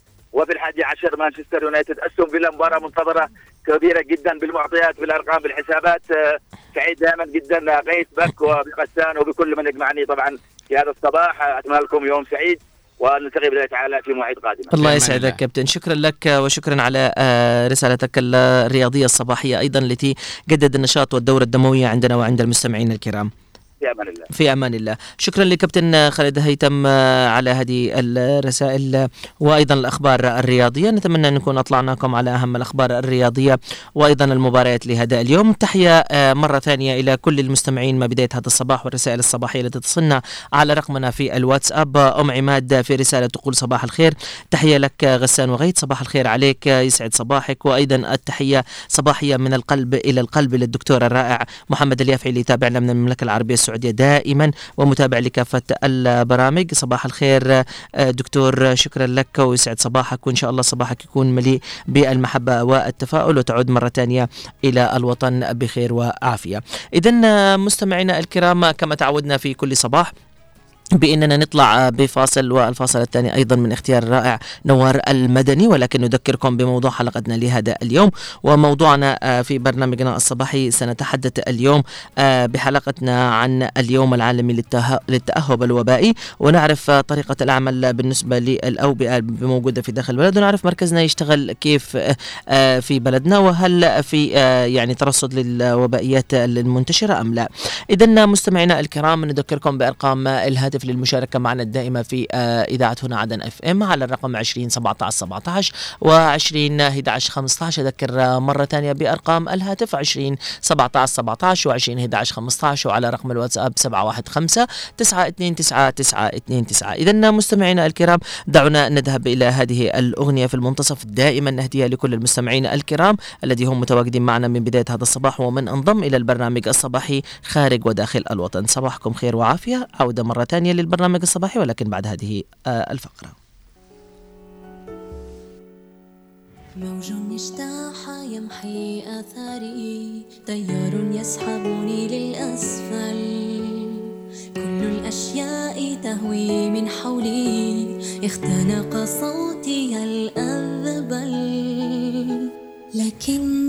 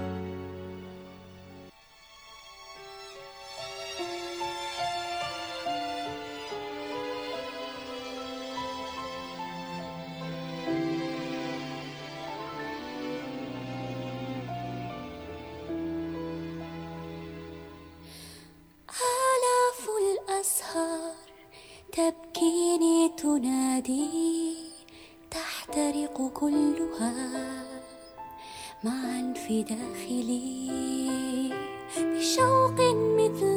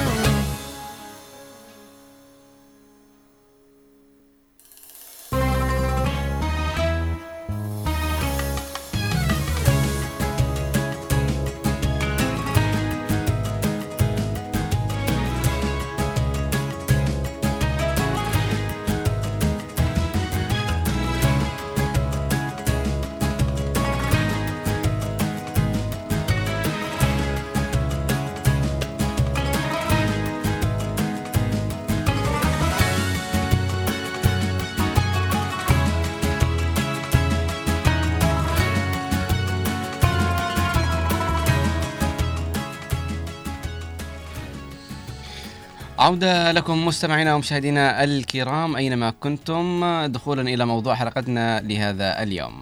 اليوم بنتحدث عن اليوم الدولي للتأهب للأوبئة. أكيد عارفين يا غسان أنه ما بين فترة وفترة هناك وباء ينتشر وخاصة هذه نعم. انتشر مرة أخرى وباء ال- الكوليرا نعم. ف- الكوليرا كمان الكلور الكورونا كمان على أخف آه، آه، نوعا ما. في كمان مسألة الحميات هذه تعتبر من الوباءات أيضا. آه، طبعا عشان نعرف يعني الوباء هو الكل يعرف يعني ما هو ال- الوباء بشكل عام. هو مرض ممكن إنه يصيب أكثر من آه، من شخص يعني وينتشر آه، بشكل سريع جدا. آه، لكن دعونا اليوم نتعرف ما هو الترصد الوبائي. الترصد الوبائي طبعا إن نظام الترصد الوبائي هو نظام مستمر وممنهج لجميع المعطيات المتعلقة بالصحة والمخاطر آه، ترتيبها تأكيدها تحليلها وتفسيرها ثم تبادلها مع الأشخاص الذي من شأنهم العمل على آه، يعني حفظ. المرصات والوفيات أيضا أو رصد الوفيات والحالات وتعزيز أيضا المستوى الصحي في المجتمع ويعتبر نظام الترصد إحدى المهام التي آه، يؤديها مؤسسات الصحة العامة أو الصحة أو ال- المؤسسات المتخصصة في الصحة العمومية طبعا الأمراض آه، الانتقالية اللي ممكن أنها تكون ضمن الترصدات الوبائية التي رصدتها منظمات الصحة العالمية ضمن الترصد الوبائي وهو آه، شلل ال- الرخوة الحاد وانتشر بشكل كبير جدا. أيضا الحمراء ال- الجبرة الخبيثة. نعم الجمرة الخبيثة هذه واحد من الأمراض وكانت ومنتشرة كانت في فترة من الفترات كمان عندنا. والهرسيات. نعم. آه الحمى المالطية أو داء ال- ال- البروسيلان الكوليرا أيضا. مرض آه أيضا آه الفيروس الناتج عن المستجدات آه مثل بعض الفيروسات مثل فيروس كورونا. الخانوق أيضا التسمم الغذائي عدوى ال- الميكروبات البيئية أو والتهابات الكبد بمختلف أنواعها. نعم. آه معك التهابات الكبد الفيروسي A و B و C أيضا. التهابات الكبد الفيروسية أيضا D. التهابات الكبد الفيروسية E. آه فيروسات الليمفاوية أيضا داء ال- السمكات الكيسي آه كمان معنا إحنا الفيروسات وإنفلونزا المستجدة العدوى المعوية داء ال- الليمفاوي أيضا الجدام الحصبة السحايا. التهابات السحايا العدوى أيضا السحائية آه معك آه الطاعون النكاف آه، كمان هذا النكاف آه، أعتقد آه، أو كمان يسمى أبو كعب. نعم السعار أو السعار الديكي أيضا آه، معك من ضمن الأشياء ال- الطاعون كمان الجدري الزهري ال ال كمان الحمى الليمفاوية. هذه كلها من ال- الوباءات التي تم رصدها آه، في آه، المنظمات العامة. آه، أو طبعا, طبعا هي مش الدولية. كلها موجودة عندنا لكن عندنا أعتقد إنه سبعة أو ثمانية وبائيات اللي اللي هي الحصبة والحصبة الألمانية والجزري. آه دي, دي كوليرا. والكوليرا آه، والإسهالات. الحميات. الحميات. يعني هي بس اللي اللي عندنا يعني كورونا. أيوه. لا تقوليش بس بعد أن- انه مليان بقول لك الآن في بعض المن- المنظمات يأتوا على أساس إنه وضعنا زي وضع أفريقيا. لا أفريقيا. لا بالعكس. آه يعني مثلا يأخذوا مثلا آه الكوليرا أو على سبيل المثال الكوليرا. يشوف إنه الكوليرا عندنا يشتي يفعلوا إجراءات لازمة وضرورية وحاجات كبيرة جدا زي ما هو متواجد في أفريقيا. لكن لا عندنا هو أخف مما هو متواجد في أفريقيا. لكن على كل حال إنه ترصد وبائي لابد إنهم يفعلوا خطة أو زي ما يقولوا دراسة جدوى إنه كيف بيبدأوا العمل متى بينتهوا وإيش التطعيمات وإيش اللقاحات وفين يقسموا المراكز بالمحافظات إلى آخره. فعشان نتحدث عن الموضوع بشكل أكبر بيكون معنا الدكتور آه، مجدي سيف الداعري مدير الترصد الوبائي في عدن. نقول يا صباح الخير والبركة إن شاء الله. مرحبا دكتور. يا صباح الخير عليكم وعلى المستمعين كامل آه، الأستاذ بيد صباح الخير. صباح النور والعافية عليك دكتور. آه، دكتور طبعا نحن انه اليوم آه، يعني يصادف آه، اليوم آه، العالمي للترصد الوبائي ونحن نعرف إنه آه، يعني آه، في كثير أوبئة آه، تنتشر في ال- البلد. ولكن آه، دعنا في البداية نعرف آه، من خلالك يعني آه، ما هي آه، أنظمة الترصد الوبائي المتوفرة آه، عندنا في البلد؟ اولا بسم الله الرحمن الرحيم. آه، زي ما تكلمتوا أنتم آه، في بداية الحلقة إنه إيش الترصد الوبائي هو كعمليه مستمرة لرصد وجمع البيانات تفسيرها وتحليلها. عشان بالآخر نعمل prevention control اللي هو الوقايه من الأمراض هذه الوبائيه اللي هي بالمختصر ال information for action يعني ناخذ معلومات عشان نتخذ إجراءات بالاخر هذا هو الترصد الوبائي، الترصد الوبائي آه، هو يعني آه، هنا اكلمك على الواقع عندنا في محافظه عدن في اليمن بشكل عام. الترصد الوبائي شغال من قرابه من قبل يعني من قبل نحن مثلا في دول الجنوب كان من قبل كان رصد الملاريا من الستينات من الخمسينات للقرن الماضي. آه، الترصد مستمر آه، إلى إن مثلا بدأ بعدين آه، 98 عام 99 إلى 2017 آه، 2014 بدأ نظام الإنذار المبكر الإلكتروني. آه، كان عبارة عن نظام ورقي لترصد الشامخ والحاد وبعدين بدأت تطورات إلى أن وصل له على يومنا هذا اللي ترصد الأمراض الوبائية بشكل إلكتروني آه، نظام إلكتروني بالأمراض اللي 27 مرض اللي تكلمتوا عليها في الحلقة اللي ذكرتها. آه، تفضل ال- في الترصد الوبائي مثلا عندنا محافظة ومختلف المحافظات يبدأ يتكون من فريق متكامل. ال- الفريق يتكون من آه، مدير الترصد الوبائي اللي هو عبارة عن منسق الشلل آه، الشلل والحصبة آه، أيضا منسقي الإنذار المبكر أو الإديوز نسميه اللي هو منسقي الاستجابة بالمحافظة وفرق الاستجابة السريعة بالمح... بالمديريات، كل مديريه في معنا خمسة أعضاء من فرق الاستجابة بمديريه الترصد الوبائي. نعم. آه، كل مديريه وظيفتها النزول إلى مديريتها وأيضا الإشراف من آه، مستوى المحافظة. آه، كل هذا بعدين يتبع إلى مكتب الصحة بالمحافظة والى وزاره الصحة وإلى منظمة الصحة العالمية. إشراف منظمة الصحه العالميه. مهم. طيب هذا اجنده للبرنامج. نعم طيب آه كابتن آه عندما يتم آه يعني آه رصد هذه آه المعلومات عفوا دكتور إذا تم رصد هذه المعلومات بشكل كبير جدا آه من آه من قبلكم أو قبل الفريق ال- المتخصص في الميدان آه فهل آه يعني هنا نقدر نقول بأنه آه يعني ال ال الإحصائيات التي تتم بناء على الفريق الطبي ورفعها إلى الجهات المعنية وهي مكتب الصحة أو وزارة الصحة كيف يتم التعامل بعد كده مع وزارة الصحة أو مكتب الصحة مع هذا الوباء المنتشر؟ آه حلو أول حاجة كمان عشان ما أنساش إنه في معانا المستشفيات الحكومية والمستشفيات الخاصة في معانا بنسميهم ضباط اتصال فيها. يعني آه، كل المعلومات أو الأمراض الوبائية آه، توصل لنا من المرافق الصحية ترتفع إلينا. آه، عشان الإجراءات بعدين آه، وصلت لنا كمية الحالات بيتم تحليلها يوميا الحالات آه، لكن آه، نشوف بين تجمع الحالات أو إذا في وباء منتشر جديد في آه، المنطقة. آه، يتم الرفع بهذه المعلومات كلها اولا بأول إلى الوزاره بعدين إلى منظمه الصحة العالمية ويتم تحديد إذا في وباء منتشر أو لا. الاجراءات الإجراءات تبدأ من عندنا من المحافظة نفسها أول شيء إنه آه، في معنا تجمع للحالات في أي منطقة في أي مديرية من المديريات. يتم نزول فريق الترصد الوبائي اللي هو فريق الاستجابه في كل مديرية. للاستجابه إلى هذا الوباء. بينزل للمنطقة نفسها بيعمل مسح للمنطقة بنشوف إيش الأسباب الانتشار هذا تجمع الحالات. وإيش في رابط وظائفي في أكثر من حالة كمان منتشرة ما راحت للمستشفى. بيتم رصد بعدين على ضوء بيتم التدخل المناسب على ضوء نتيجة المسح هذا. مثلا إذا نزلنا للحالات الحصبة آه وجدنا إنه أكثر الاطفال في حالات كثير منتشرة وكانوا غير مطعمين نستدعي فريق التحصين. ينزل إلى المنطقة على الفور ويبدأ يطعم. هذا كإجراءات ال- المستعجل. وعلى ضوء يبنى القرارات الأخرى. نعم.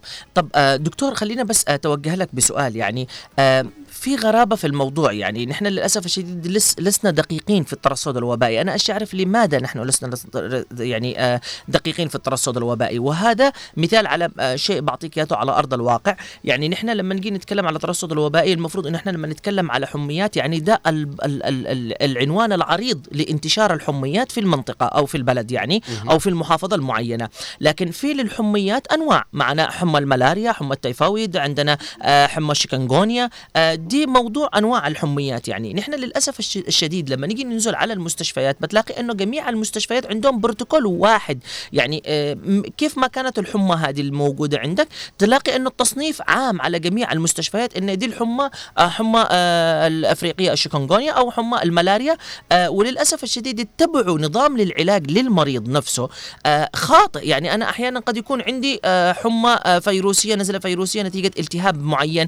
لا يتم العلاج من قبلي أنا إلى إلى علاج الملاريا مثلا أو التيفويد. مثلا على سبيل المثال نحن في الفترة الأخيرة لاحظنا إنه انتشار آه، كبير لمرض ستيفن جونسون آه، في آه، في في في في البلد يعني. وتكلمنا عن نوعية المرض هذا والمرض هذا طبعا لا يقل حمته أو الحمى الذي أو الإصابة أو الأعراض عن نزلات البرد يعني. وتكلمنا عن نوعية المرض هذا الموجود. للأسف الشديد إن أغلب الناس في داخل البلد أو أغلب المستشفيات تصنف هذه الحالة من ستيفن جونسون بأنها هي عبارة عن نزلة برد آم، آه، وحميات من حميات الملاريا. ويبدأ اتباع علاج الملاريا للمريض بينما للأسف الشديد عنده آه، يعني مرض ستيفن جونسون وهو ال- ال- ال- المرض هذا بالتحديد يضرب الجهاز المناعي للمريض نفسه شخصيا. فتهبط عنده المناعة بشكل كبير جدا. مع العلم إن نحن عارفين بأن كورس الملاريا إذا أعطي للمريض أيضا يهبط من المناعة وإذا كان المريض يعاني من آه يعني هبوط في المناعة يمنع اعطائه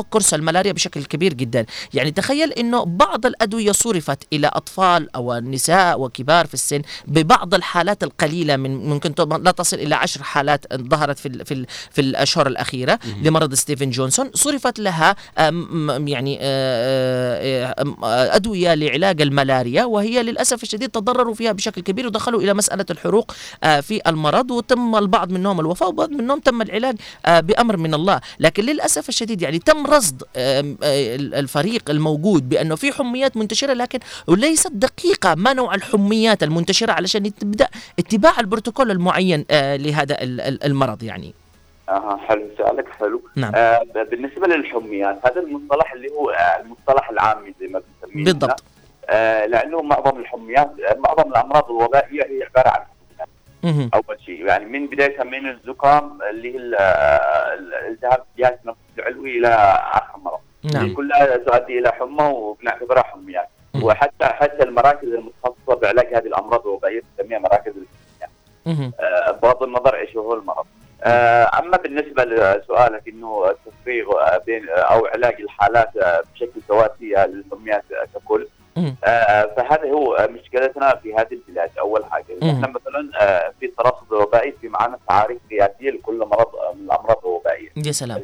ال 27 مرض كل مرض له آه، تعريف قياسي آه، على ضوء يتم تشخيص الحالة على أساس إنه هذا المرض. نعم. مثلا الملاريا معنا تعريف حمى الضنك معنا تعريف شكنجونيا والحصبه وغيرها. كل واحد آه، إذا انطبق التعريف القياسي على هذا المرض أنا بعتبره إنه حالة مشتبهة بهذا المرض. آه، عشان ما يتم الخلط بينه وبين مرض آخر. آه، إلى هنا بيكون آه، القضية إنها خلاص أنا صنفت مثلا ملاريا حمى ضنك شكنجونيا سيدنجونزن أي حاجة. خلاص أنا هنا شخصته هذا الدور الثاني بيكون على الأطباء آه، من ضمن خطط الاستعداد والتأهب للأوبئة وهذا يكون إنه في معك طاقم متدرب تدرب كامل. على كيف مواجهه هذه الحاجات والأوبئة وكيف علاجها وكيف. آه كمان الموضوع هذا في دورات تدريبية آه تقريبا كل عام تسوي للأطباء مم. والتمريض وغيرهم آه في السياسات العلاجية للأمراض الوبائية. آه الآن حاليا مثلا أمس بدأت في معنا دورة تدريب الأطباء حول السياسات العلاجية للملاريا. وفي آه كان قبلها آه، السياسات العلاجية للحصوه السؤال الديكي وغيرها. مهم. في دورات تمضي عشان هذا الكلام ما يسويش آه، إنه لخبطة بين الأمراض والتشخيص وعشان نعم. التشخيص التفريغي. نعم. آه، القضية إنها محتاجة تدريب من آه، للأطباء ككل في مم. كل المحافظة خاصة في أقسام الطوارئ. لأن الحالات تاتي إلى قسم الطوارئ. صحيح. وكل مرض وله سياسته العلاجية الخاصة فيه. يا سلام. آه، وكلما كان العلاج صحيح وسريع كلما كان الاستفادة من قبل المريض بشكل أكبر. نعم. وناخذ كمان الوفيات والمضاعفات الحاد وحدنا من المرض صحيح.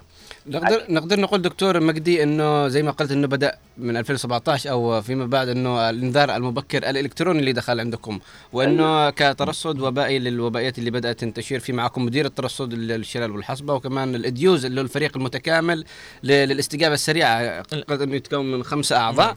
طيب هذه هذه الأمور كلها يعني هل يعني حدثت فارق في إنه الاستجابة السريعة للاوبئه والأمراض وكيف يعني وكيف كان هناك تجاوب من ال- المواطنين؟ وإذا كان هناك أمراض يعني قابله للانتشار أو قابله أنها تنتشر عبر اللمس أو العطس أو ايا يكن هل هناك يعني مخيمات خاصة فيهم في بعض المستشفيات؟ ومكتب الصحة هل تعاون مع بعض المستشفيات في بعض الأمراض وفعل مخيمات آه حلو. إنه بالنسبة لك آه، كفريق الترصد هو زي ما قلت بالبدايه الترصد عملية مستمرة. إنه لو انقطعنا فترة ما عاد ينفعش إنها نكمل اوقات الاوبئه فقط. لكن إذا كانت عملية مستمرة بنص أي وباء باي وقت وأي زمان. لأنه الوباء اول حاجة زي ما تكلمتوا إنه عبارة عن تجمع حالات غير احتياطيه في مكان ووقت محدد. نعم. آه يعني عشان نقدر نسيطر انه يكون في فريق متاهب على طول السنة. نعم. آه، الفريق هذا اللي هو موجود يعني مثلا فريق الترصد الوبائي في كل المديريات وكذا.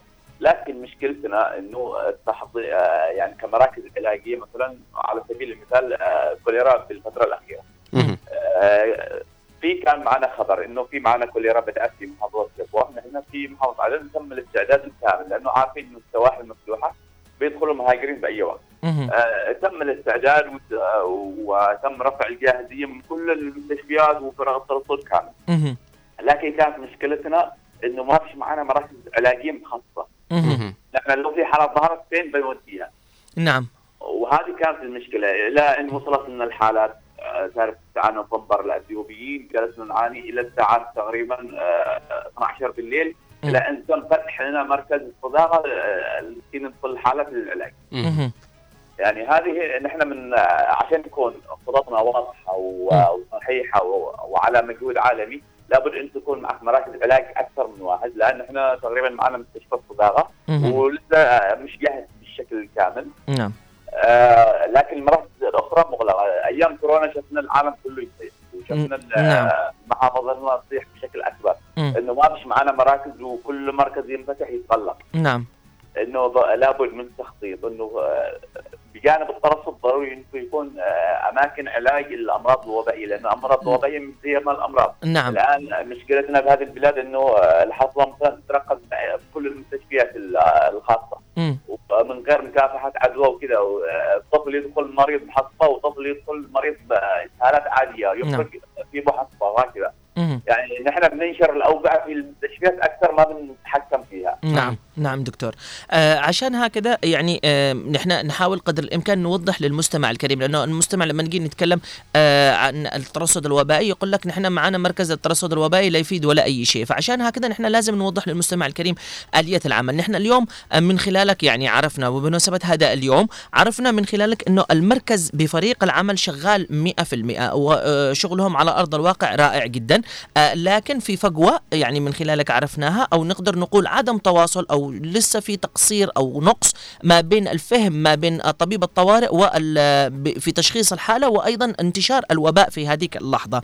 آه الآن بدأتم أنتم في التنسيق بالعمل زي ما قلت بأنه في دورة تدريبية بدأت ال- يعني مع الأطباء الطوارئ بفهم آه أو ربط هذا ال- العمل ما بينكم وما بينهم أيضا. ومن خلال كلامك نحن كمان عرفنا بأنه أنتم آه كمركز ترصد وبائي تحتاجوا إلى مكان أو موقع مراكز. آه أيوه مراكز خاصة فيكم أنتم حتى لو كان مركز واحد يعني مركز آه متخ- متخصص لكم أنتم آه في مسألة الرصد ويكون أيضا كأنه عيادة متنقلة أو مستشفى متخصص صغير جدا في حالة إذا كان في آه موضوع انتشار لمرض معين وتم تحديده بال بال بال بال بال بالتركيز إنه نوعية المرض هذا إنه حميات ولكن نوعية الحمية هذه كانت ملاريا أو حصبة يتم التعامل معها أنتم كمركز في داخل المستشفى أو الم- الموقع المركز الصحي الخاص فيكم أنتم. طيب أيوه. دكتور في في في في, في هذه الحالة نحن نوجه رسالتنا لمن؟ من الجهة المعنية آه الذي مفروض إنها تهتم فيكم وأيضا آه يتم آه التعامل معكم آه يعني بفتح مركز متخصص لكم. هل هي منظمة الصحة العالمية أم هي وزارة الصحة بشكل أساسي؟ آه حلو. إنه أول حاجة ال- رسالتنا أول حاجة رسالتنا المهمة نحن نعرف إنه كفريق ترصد آه يعني منزين من آه وزارة الصحة ليس بالكم المطلوب آه عالميا. عالميا آه الترصد الوبائي كله بدأ صيته يندع أو يكثر أكثر من جائحة كورونا. كورونا اهتموا الناس كلهم بالترصد الوبائي لأنه لا سبيل إنه واحد يعالج حالة. الترصد الوبائي أو طب المجتمع لا يعالج حالة واحدة عكس الطب العادي، الطب العادي بالعيادات بيجي مريض بيتعالج كمريض واحد لكن نحن نعالج كمجتمع مجتمع كامل نحد من انتشار المرض بالمجتمع كله. نعم. آه هذا هو الفارق بين الطب وبين الطب المجتمع. أما مناشدتنا إنه آه نحن أول حاجة إنه خاطب مكاتب الصحة في المحافظات. ومكاتب الصحة بدورها ترفع إلى وزارة الصحة ومنظمه الصحة العالمية. نحن نعرف الوضع في البلاد. لأنه آه تحت آه بسبب الظروف اللي الراهنه اللي موجوده الحرب وغيرها النظام الصحي عندنا شبه محطم زي ما أنتم عارفين إنه آه، كل الدعم بيجي من المنظمات. صحيح. المنظمات الدولية على رأسها منظمة الصحة العالمية. آه عشان كذا ال- الخطاب بيكون لمنظمه الصحة العالمية والمنظمات الدولية انه هي اللي بتاسس هذا لأنه الوزارات كذا مش قادرة تأسس أي حاجة.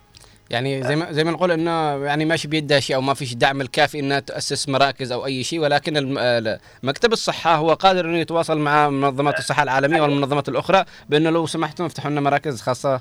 يعني كذا مقصدك وهذا- ويت- يتم التخاطب من الجهات هذه الحكومية مكتب الصحة وزارة الصحة إلى المنظمات عشان تاسيس نظام صحي إنه على المدى البعيد وليس حاجة مؤقتة إنه كمراكز علاجية لهذه الأمراض.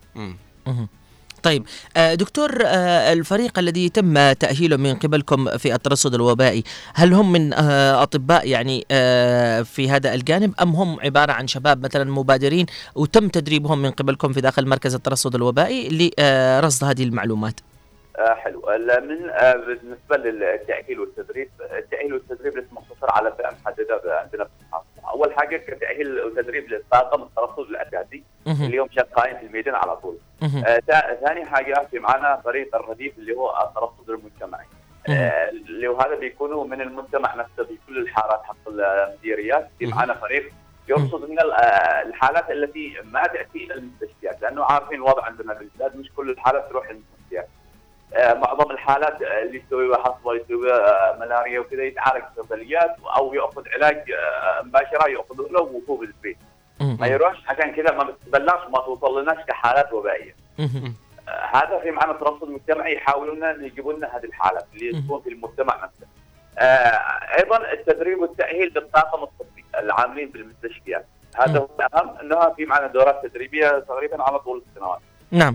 آه، مختلف الأمراض إنه أو مختلف الطاقم، طاقم تمريضي طاقم طبي، عشان كيف يعملوا تشخيص للحالات وكيف يتم الرفع بالبلاغات الطبية أو البلاء الوبائية من المستشفيات إلى إدارة الترصد الوبائي عشان يتم رصده وضوءها يتم التدخل على هذا مثل الحملات ال- التطعيمية اللي يتم عملها في الفترات الأخيرة هي بناء على المعلومات التي تأتي من الميدان.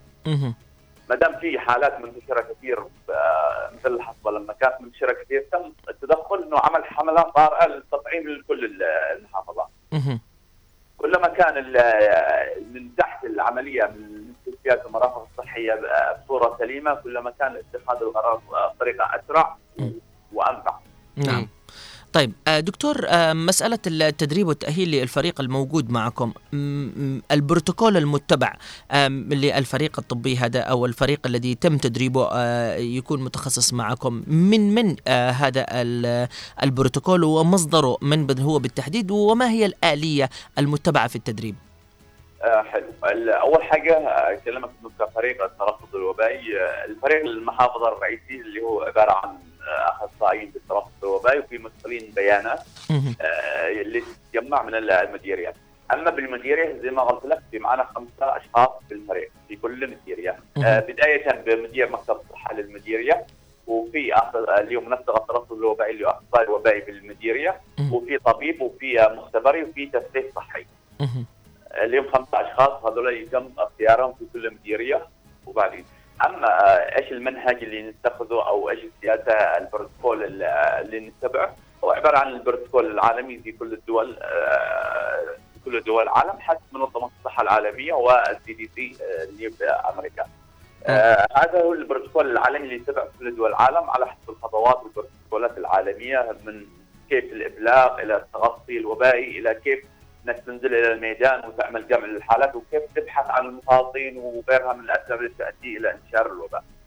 طيب دكتور آه، مجدي يعني هل هناك اجتماعات يعني مثلا مكتب الصحة يفعل اجتماع آه، سنوي أو شهري إذا أو إذا حدث هناك وباء يجمعوا آه، حق المراكز آه، أو مديري المكاتب حق المحافظات مع بعضهم بعض عشان يدرسوا خطة جديدة لكيف يعني آه، يحتووا وباء معين حلو. آه شوف إنه إذا في وباء مثلا الفترة الأخيرة أنت شفت موضوع الفليرات كان معنا وباء الفليرات تم الاجتماع صراحة. آه مع الدكتور البشي كان يتواصل معنا بطريقه مستمرة بسبب وباء الفليرات وتم الاجتماع مع مكتب الصحة مع مدراء مكاتب الصحة المديريات مع الشركاء كمان لأنه الأوباء ما تخصش آه، جهة محددة لأن الاوباء أنت عارف إنها بت- بتحطم آه، ميزانية دول واقتصادات. ويعني متعلقة نعم. بكثير جوانب مم. جانب اجتماعي جانب اقتصادي وجانب الصحي هو الأهم الجانب الصحي لا بس تغطي المستشفيات كامل لأن الحمل بيكون كبير على المستشفيات.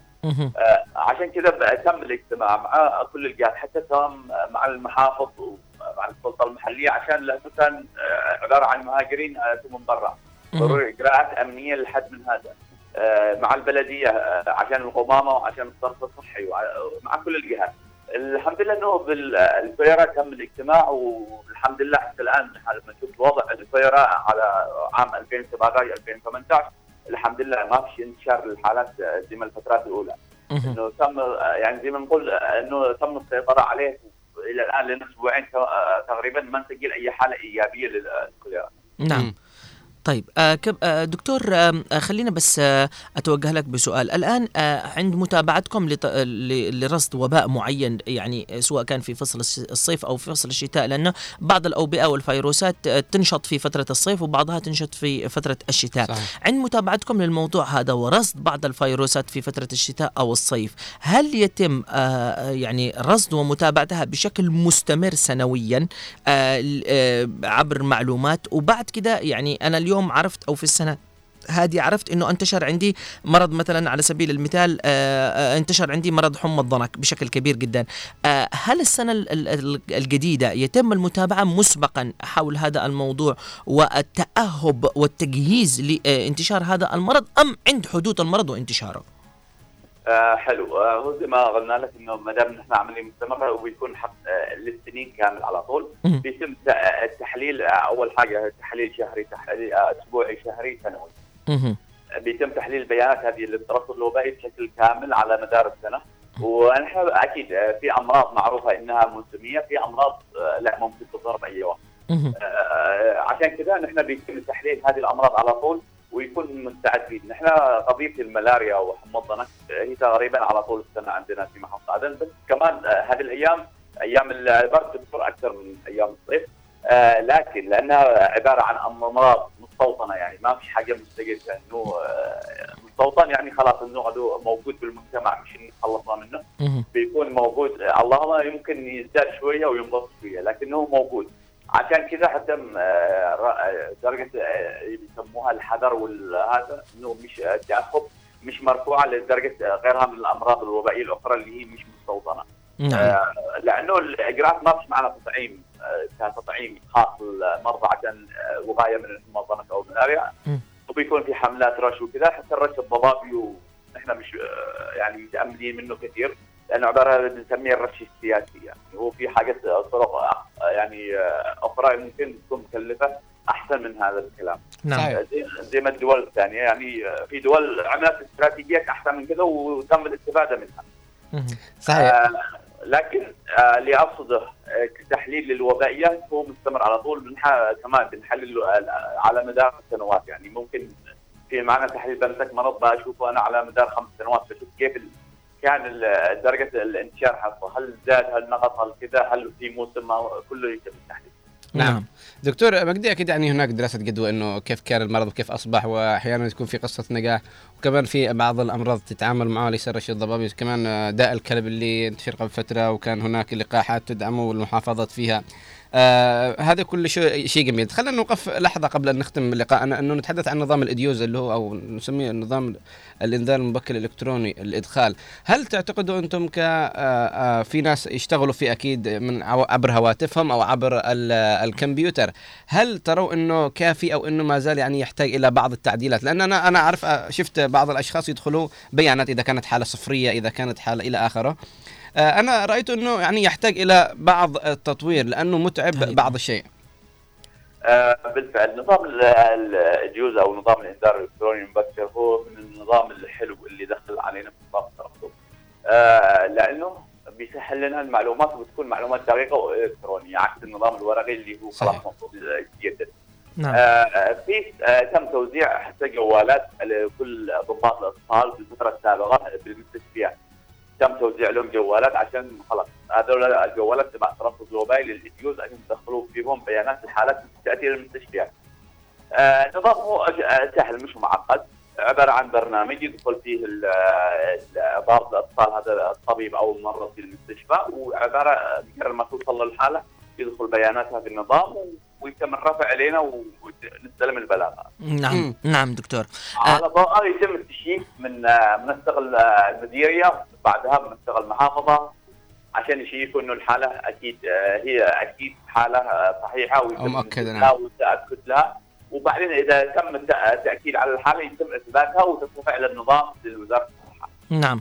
آه طبعا آه، دكتور آه ختاما أو ما قبل ختام هذا اللقاء ما بيننا وبينك خلينا نقول كمركز ترصد وبائي متواجد في داخل البلد ورغم ضعف الإمكانيات الصحية الموجودة في داخل البلد ما هي احتياجكم أنتم كمركز ترصد وبائي من أجل رفع الجاهزية الأكثر لترصد أكثر من اوبئه ممكن أن تصيب المجتمع بشكل كبير جدا؟ حلو أول حاجة آه، نحن احتاجنا إنه آه، نريد التعاون من كل القطاعات أول شيء آه، خصوصا المستشفيات الخاصة والحكومية. ع- على سبيل ككل إنه كل المرافق لابد أن تتعاون مع الترصد الوبائي ويتم إبلاغنا بكل الحالات الوبائيه التي يتم رصدها في المستشفيات. أول شيء عشان نتخذ الإجراءات المناسبه. ثانيا إنه يتم الاهتمام الحكومي بقطاع الترصد الوباء- الوبائي عشان يتم الشغل على صورة آه، على مستوى عالمي وعلى تاهب واستعداد بدرجه قصوى. مهم. آه، وأيضا إنه يتم فتح مراكز علاجية للحالات الوبائية وعمل آه، فرز الحالات في كل الطوارئ للمستشفيات عشان آه، قضية العدوى ومكافحة العدوى. نعم آه، وأيضا نشيد الديمومه الآن كل فرق الترصد الوبائي بعدن وغير عدن والمحافظات كلها معتمدة على المنظمات. صحيح. إذا راحت المنظمات بيوم وليلة بيعمل شت داون كل ال- آه، النظام. نعم صحيح هي هذه المشكلة إنه الديمومة آه، مقتصرة على المنظمات، لو ما فيش منظمات بيتحطم النظام. نعم نعم دكتور فانتم ت- تطالبوا ك ك كاصحاب للترصد الوبائي تطالبوا إنه الدولة يعني تأخذ بعين الاعتبار إنه المنظمات لن تظل طول عمرها عندنا موجودة لابد إنهم يأخذوا أشياء احترازية أكيد. نعم وهذا اللي يتم الرفع فيه على طول. نعم. دكتور رسالة أخيرة حابب توجهها بمناسبة هذا اليوم وأيضا استضافتك معنا في هذا ال- البرنامج وتوضيحك أكثر حول الترصد الوبائي في البلد وأيضا تبعيد الفكر المشتت عند ال- ال- المواطن أو المستمع الكريم اتجاه عملكم يعني للأسف الشديد كان في ناس واخذين فكرة أنه لا أنتم ما تعملوش أي حاجة لكن اليوم عرفنا من خلالك أنه أنتم كمركز مش بس أنتم لحالكم آه، مفروض أنكم تعملوا بل كل ال- ال- الجهات ال- في الصحة تعمل وأيضا الجهات في المرافق الحكومية أيضا والجهات الأمنية أو في آه، ال- البلديات أو المسؤولين على النظافة كذلك. أيضا والمواطنين كذلك. آه، رسالتنا أول حاجة آه، شكرا لكم أنتم لأنكم اعطيتونا الفرصه ان نتكلم على الترصد الوبائي لأنه زي ما قلت الناس آه، يعني مش عارفين إيش دور الترصد الوبائي، رسالتنا الثانية للمواطنين ككل إنه آه، لابد إن آه، أي حالة مرضية وبائية يتم أول حاجة آه، الذهاب بها للمستشفى لأنه في إجراءات لابد إن آه، تنأخذ في كل طفل لأنه هذول حصبه محتاجين إلى عدل وهكذا. أيضا الشيء المهم آه، التطعيم. التطعيمات لأنه في الفترة الأخيرة لاحظنا في محافظه نعم، عدن نعم. المدينة إنه آه، عزوف الناس عن التطعيم. فعلاً. مختلف الحالات الوبائية تأتي إنهم مش مطعمين. فعلا. وهذا الذي أدى إلى زيادة الحالات الوبائية. آه، ما فيش نظام صحي بالعالم يقدر يستوعب آه، اللي يحدث باليمن. يعني نحن وصلنا إلى أكثر من 4000 حالة من بدايه العام إلى الآن في الحصبه. وأيضا أو بالتذكير فوق 100000 حالة في اشتباه ملاريا يعني العدد كان كبير جدا. ولود كبير على الصحة أيضا. آه رسالتنا إنهم يهتموا بأطفالهم ويروا التطعيم لأنه نحن ننزل كمان فرق تطعيم إلى المنازل وكمان رافضين للتطعيم نعم يعني رسالتنا بس إنهم يهتموا بأطفالهم لأن هي الأمانة اللي من ربنا عندهم يهتموا فيها وإن شاء الله نحن نعمل كل ما بوسعنا نعمل infection control أو آه، تحضير واستعداد وتاهب لكل هذه الأوبئة بالتعاون مع كل الجهات وإن شاء الله يتم التخلص من هذه الأوبئة. آه، بالعدن وباليمن كان. بإذن الله. اذا دكتور آه، نحن آه، كوسيلة إعلام أيضا آه، متواجدة على أرض ال- الواقع تخدم المواطن بشكل عام في عموم ال- المحافظات الجنوبية. آه، نحن بدورنا آه، نفتح آه، لكم أبوابنا أيضا وفي أي لحظة من اللحظات في آه، موضوع يهمكم حول موضوع ترصد وبائي أو تنبيه للمواطنين أو توعية آه، في مسألة آه، يعني اللقاحات أو مسألة توعية من من اتجاه مرض معين أو الوقاية من هذا المرض أو الحد من هذا المرض. نحن آه، مستعدين في أي لحظة. آه، تقريبا آه، نحن نعرف أرقام بعض في الوقت الحالي. في أي لحظة من اللحظات تتواصلوا معنا. إن شاء الله بإذن الله نحن نرصد لكم حلقات خاصة فيكم مساعدة منا ومساهمة كأننا فرد من أفراد المجتمع. أيضا لنشر دور التوعية بشكل كبير جدا. أوكي شكرا لكم. شكرا لك. دكتور مجدي الداعري مدير الترصد الوبائي في عدن تحية لك. صباحية على تواجدك معنا في هذا اليوم وأسعد الله صباحك بكل خير. في أمان, في أمان الله ونتمنى لك نهار سعيد. طبعا أعزائي المتابعين أينما كنتم آه، بعد أن تحدثنا بعض الشيء ولو أنه الوقت داهمنا لكن مم. كان ما يزال بقعبتنا الكثير من. ووضحنا كمان كثير أشياء يعني للمستمع لأنه كان في ناس كثير عندها آه، جهل اتجاه مركز الترصد الوبائي والناس يقول لك لا دون ما ما يشتغلوش أي حاجة والصحه مالش يعني الآن فهمنا إنه نحن مركز الترصد الوبائي يعني بعيد كل البعد عن مكاتب الصحة والمستشفيات وأنا نكلمك على فجوة هي متواجدة يعني يقول لك إنه آه، هم الآن يحاولوا قدر الإمكان التوعية أنا تكلمت معه على مسألة كمان انتشار إنه تلاقي لما تروح أنت في فترة انتشار الحميات تروح عند أي مستشفى تلاقيهم انهم كلهم من نفس الشريحة. يجي يقول لك آه خلاص يعني آه، زي ما نقول لك إيش آه باللغة الدارجة جازعة. آه خلاص الناس كلهم عندها ملاريا إذا الناس كلهم عندها ملاريا. بينما الحمى تختلف من شخص إلى آخر. فالمفروض من الحد أحيانا قد تكون منتشرة حمى الملاريا لكن آه مش معناته ان أنا أروح أتبع بروتوكول لعلاج مرض آخر يعني. فقال نحن هنا بدورنا إنهم قاموا بعمل دورة تدريبية لبعض الأطباء في داخل السياسات العلاجية. نعم. آه، في مسألة كيفية التعامل مع هذا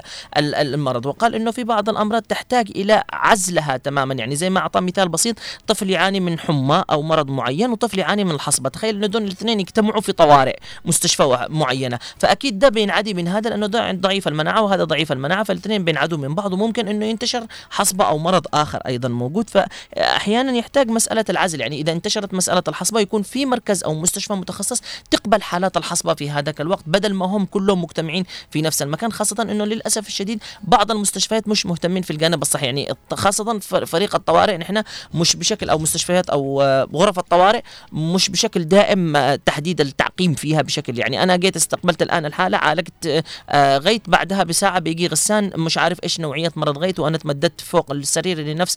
السرير اللي تمدد. فيه غيت فهي تكون في مشكلة لكن إذا في مركز متخصص واهتمام بهذا الموضوع بيكون في شوية حد وعزل في هذا الموضوع. ويقدروا يفرقوا ما بين الامراض بالضبط. آه يعني نحن توجهنا له بسؤال احتياجاتكم لهذا الموضوع؟ قال احتياجاتنا هو تعاون من جميع قطاعات ال- ال- المستشفيات والجهات المعنية وقصده بالجهات المعنية الجهات المعنية سواء كانت المكاتب المحافظة أو مكاتب الصحة الموجودة أو حتى البلديات أو ال ال ال الأماكن اللي خاصة في مسألة التنظيف والمتابعة والرش وإلى آخره اتجاه انتشار مرض معين يعني. آه قال الاهتمام من قبل الحكومة والدولة بشكل كبير جدا اتجاه مركز الترصد الوبائي يعني اهتمام فيهم بشكل كبير جدا لأنهم هم جزء مهم آه موجود في المجتمع قبل انتشار أي مرض بشكل كبير جدا. آه قال فتح مراكز متخصصة آه لحالات ال ال ال يعني يعزلوها بشكل كبير جدا اللي هي الحالات التي تصاب ب يعني مرض وبائي معين أو انتشار لمرض وبائي معين إنه يكون في ذا الوقت إن رصدوا مجموعة من الحالات المتخصصة في الحصبة أو في أي مرض كان يكون في مركز متخصص لعلاج هذه هذه الحالات يعني بمجرد إنه المستشفى تحدد هذه الحالة إنها حصبة أو ملاريا أو أي شيء تروح للمركز هذا تعالج يكون في اتجاه بروتوكول معين للحد من هذا المرض بشكل كبير جدا. آه هذه كانت تقريبا أهم الاحتياجات اللي يحتاجوها بشكل كبير جدا. آه الرسالة واضحة كانت من قبل الدكتور لما قلنا له أنت حابب إنك توجه رسالة لمن؟ قال أنا حابب إن أنا أوجه رسالة لكل أب وأم. في مسألة تطعيم الأطفال فعلا مسألة تطعيم الأطفال. إنه يمكن نحن كورونا كانت أخف شوية عندنا نحن بسبب التطعيمات اللي نحن أخذناها. لكن مم. أنا أحب أوضح لكل أب وأم اخرجوا من مسألة الجهل للأسف الشديد. أيوة أقولها جهل لأنه الكثير لما تجي تتكلم معاهم الآن الواعيين بمسألة تطعيم الأطفال يقول لك التطعيم حقا نحن منتهي. لا حفظ. التطعيم هذا سيء. لا هذا نحن ما نضمنش مسألة العلاج. يا حبيبي آه ال- من فين تجيب المعلومات أصلا؟ من فين تجيب المعلومات؟ وحاجة ثانية أنت تعرف بانه التطعيمات هذه الخاصة بالأطفال ال- الرضع اللي بالدفتر الصغير. أنت عارف إن دي تحفظ بطريقة معينة داخل قوالب تلج علشان تحفظ العلاج وتحفظ في داخل ثلاجات يعني. فهم واخدين في بالهم لا يمكن إنهم يعطوا تطعيمات منتهية ولا منت ولا تحت درجه حرارة معينة ومش عارف إيش. حتى في انقطاعات الكهرباء التي كانت في أزفة آه، الأوقات كانت في اهتمام بشكل كبير جدا في مسألة حفظ الدواء. فابعدوا من ال- من الجهل الذي ممكن يخيم عليكم بشكل كبير جدا اتجاه تطعيم أولادكم. لأنه التطعيمات تدخل فيها السل الرئوي السعال الديكي آه الأمراض. والكثير من الناس لو يزوروا مستشفى آه، أو عيادات متخصصة لأطفال بتلاقوا في داخل العيادات هذه يجوا حالات في مسألة السعال الديكي آه أيضا ال- الحمى حمى السحايا أيضا الموجودة. دي كلها نتيجة إنه الطفل الغير متعود على هذا المرض وتحصل عنده الحالة بشكل كبير جدا. التطعيم التطعيم التطعيم هذا شيء مهم. على كل أب وأم أن يعوا هذا الموضوع بعيدا عن أي أشياء سلبية موجودة.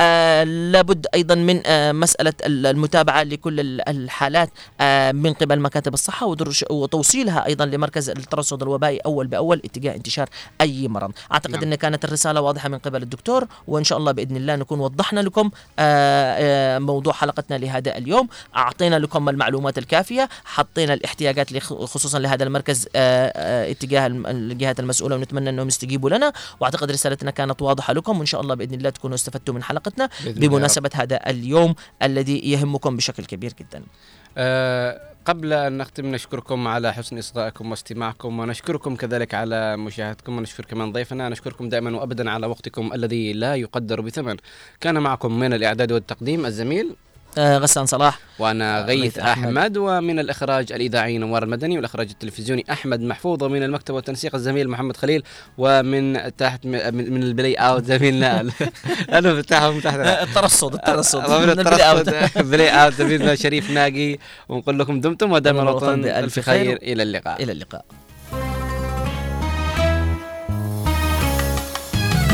يا حبيبي سعد صباح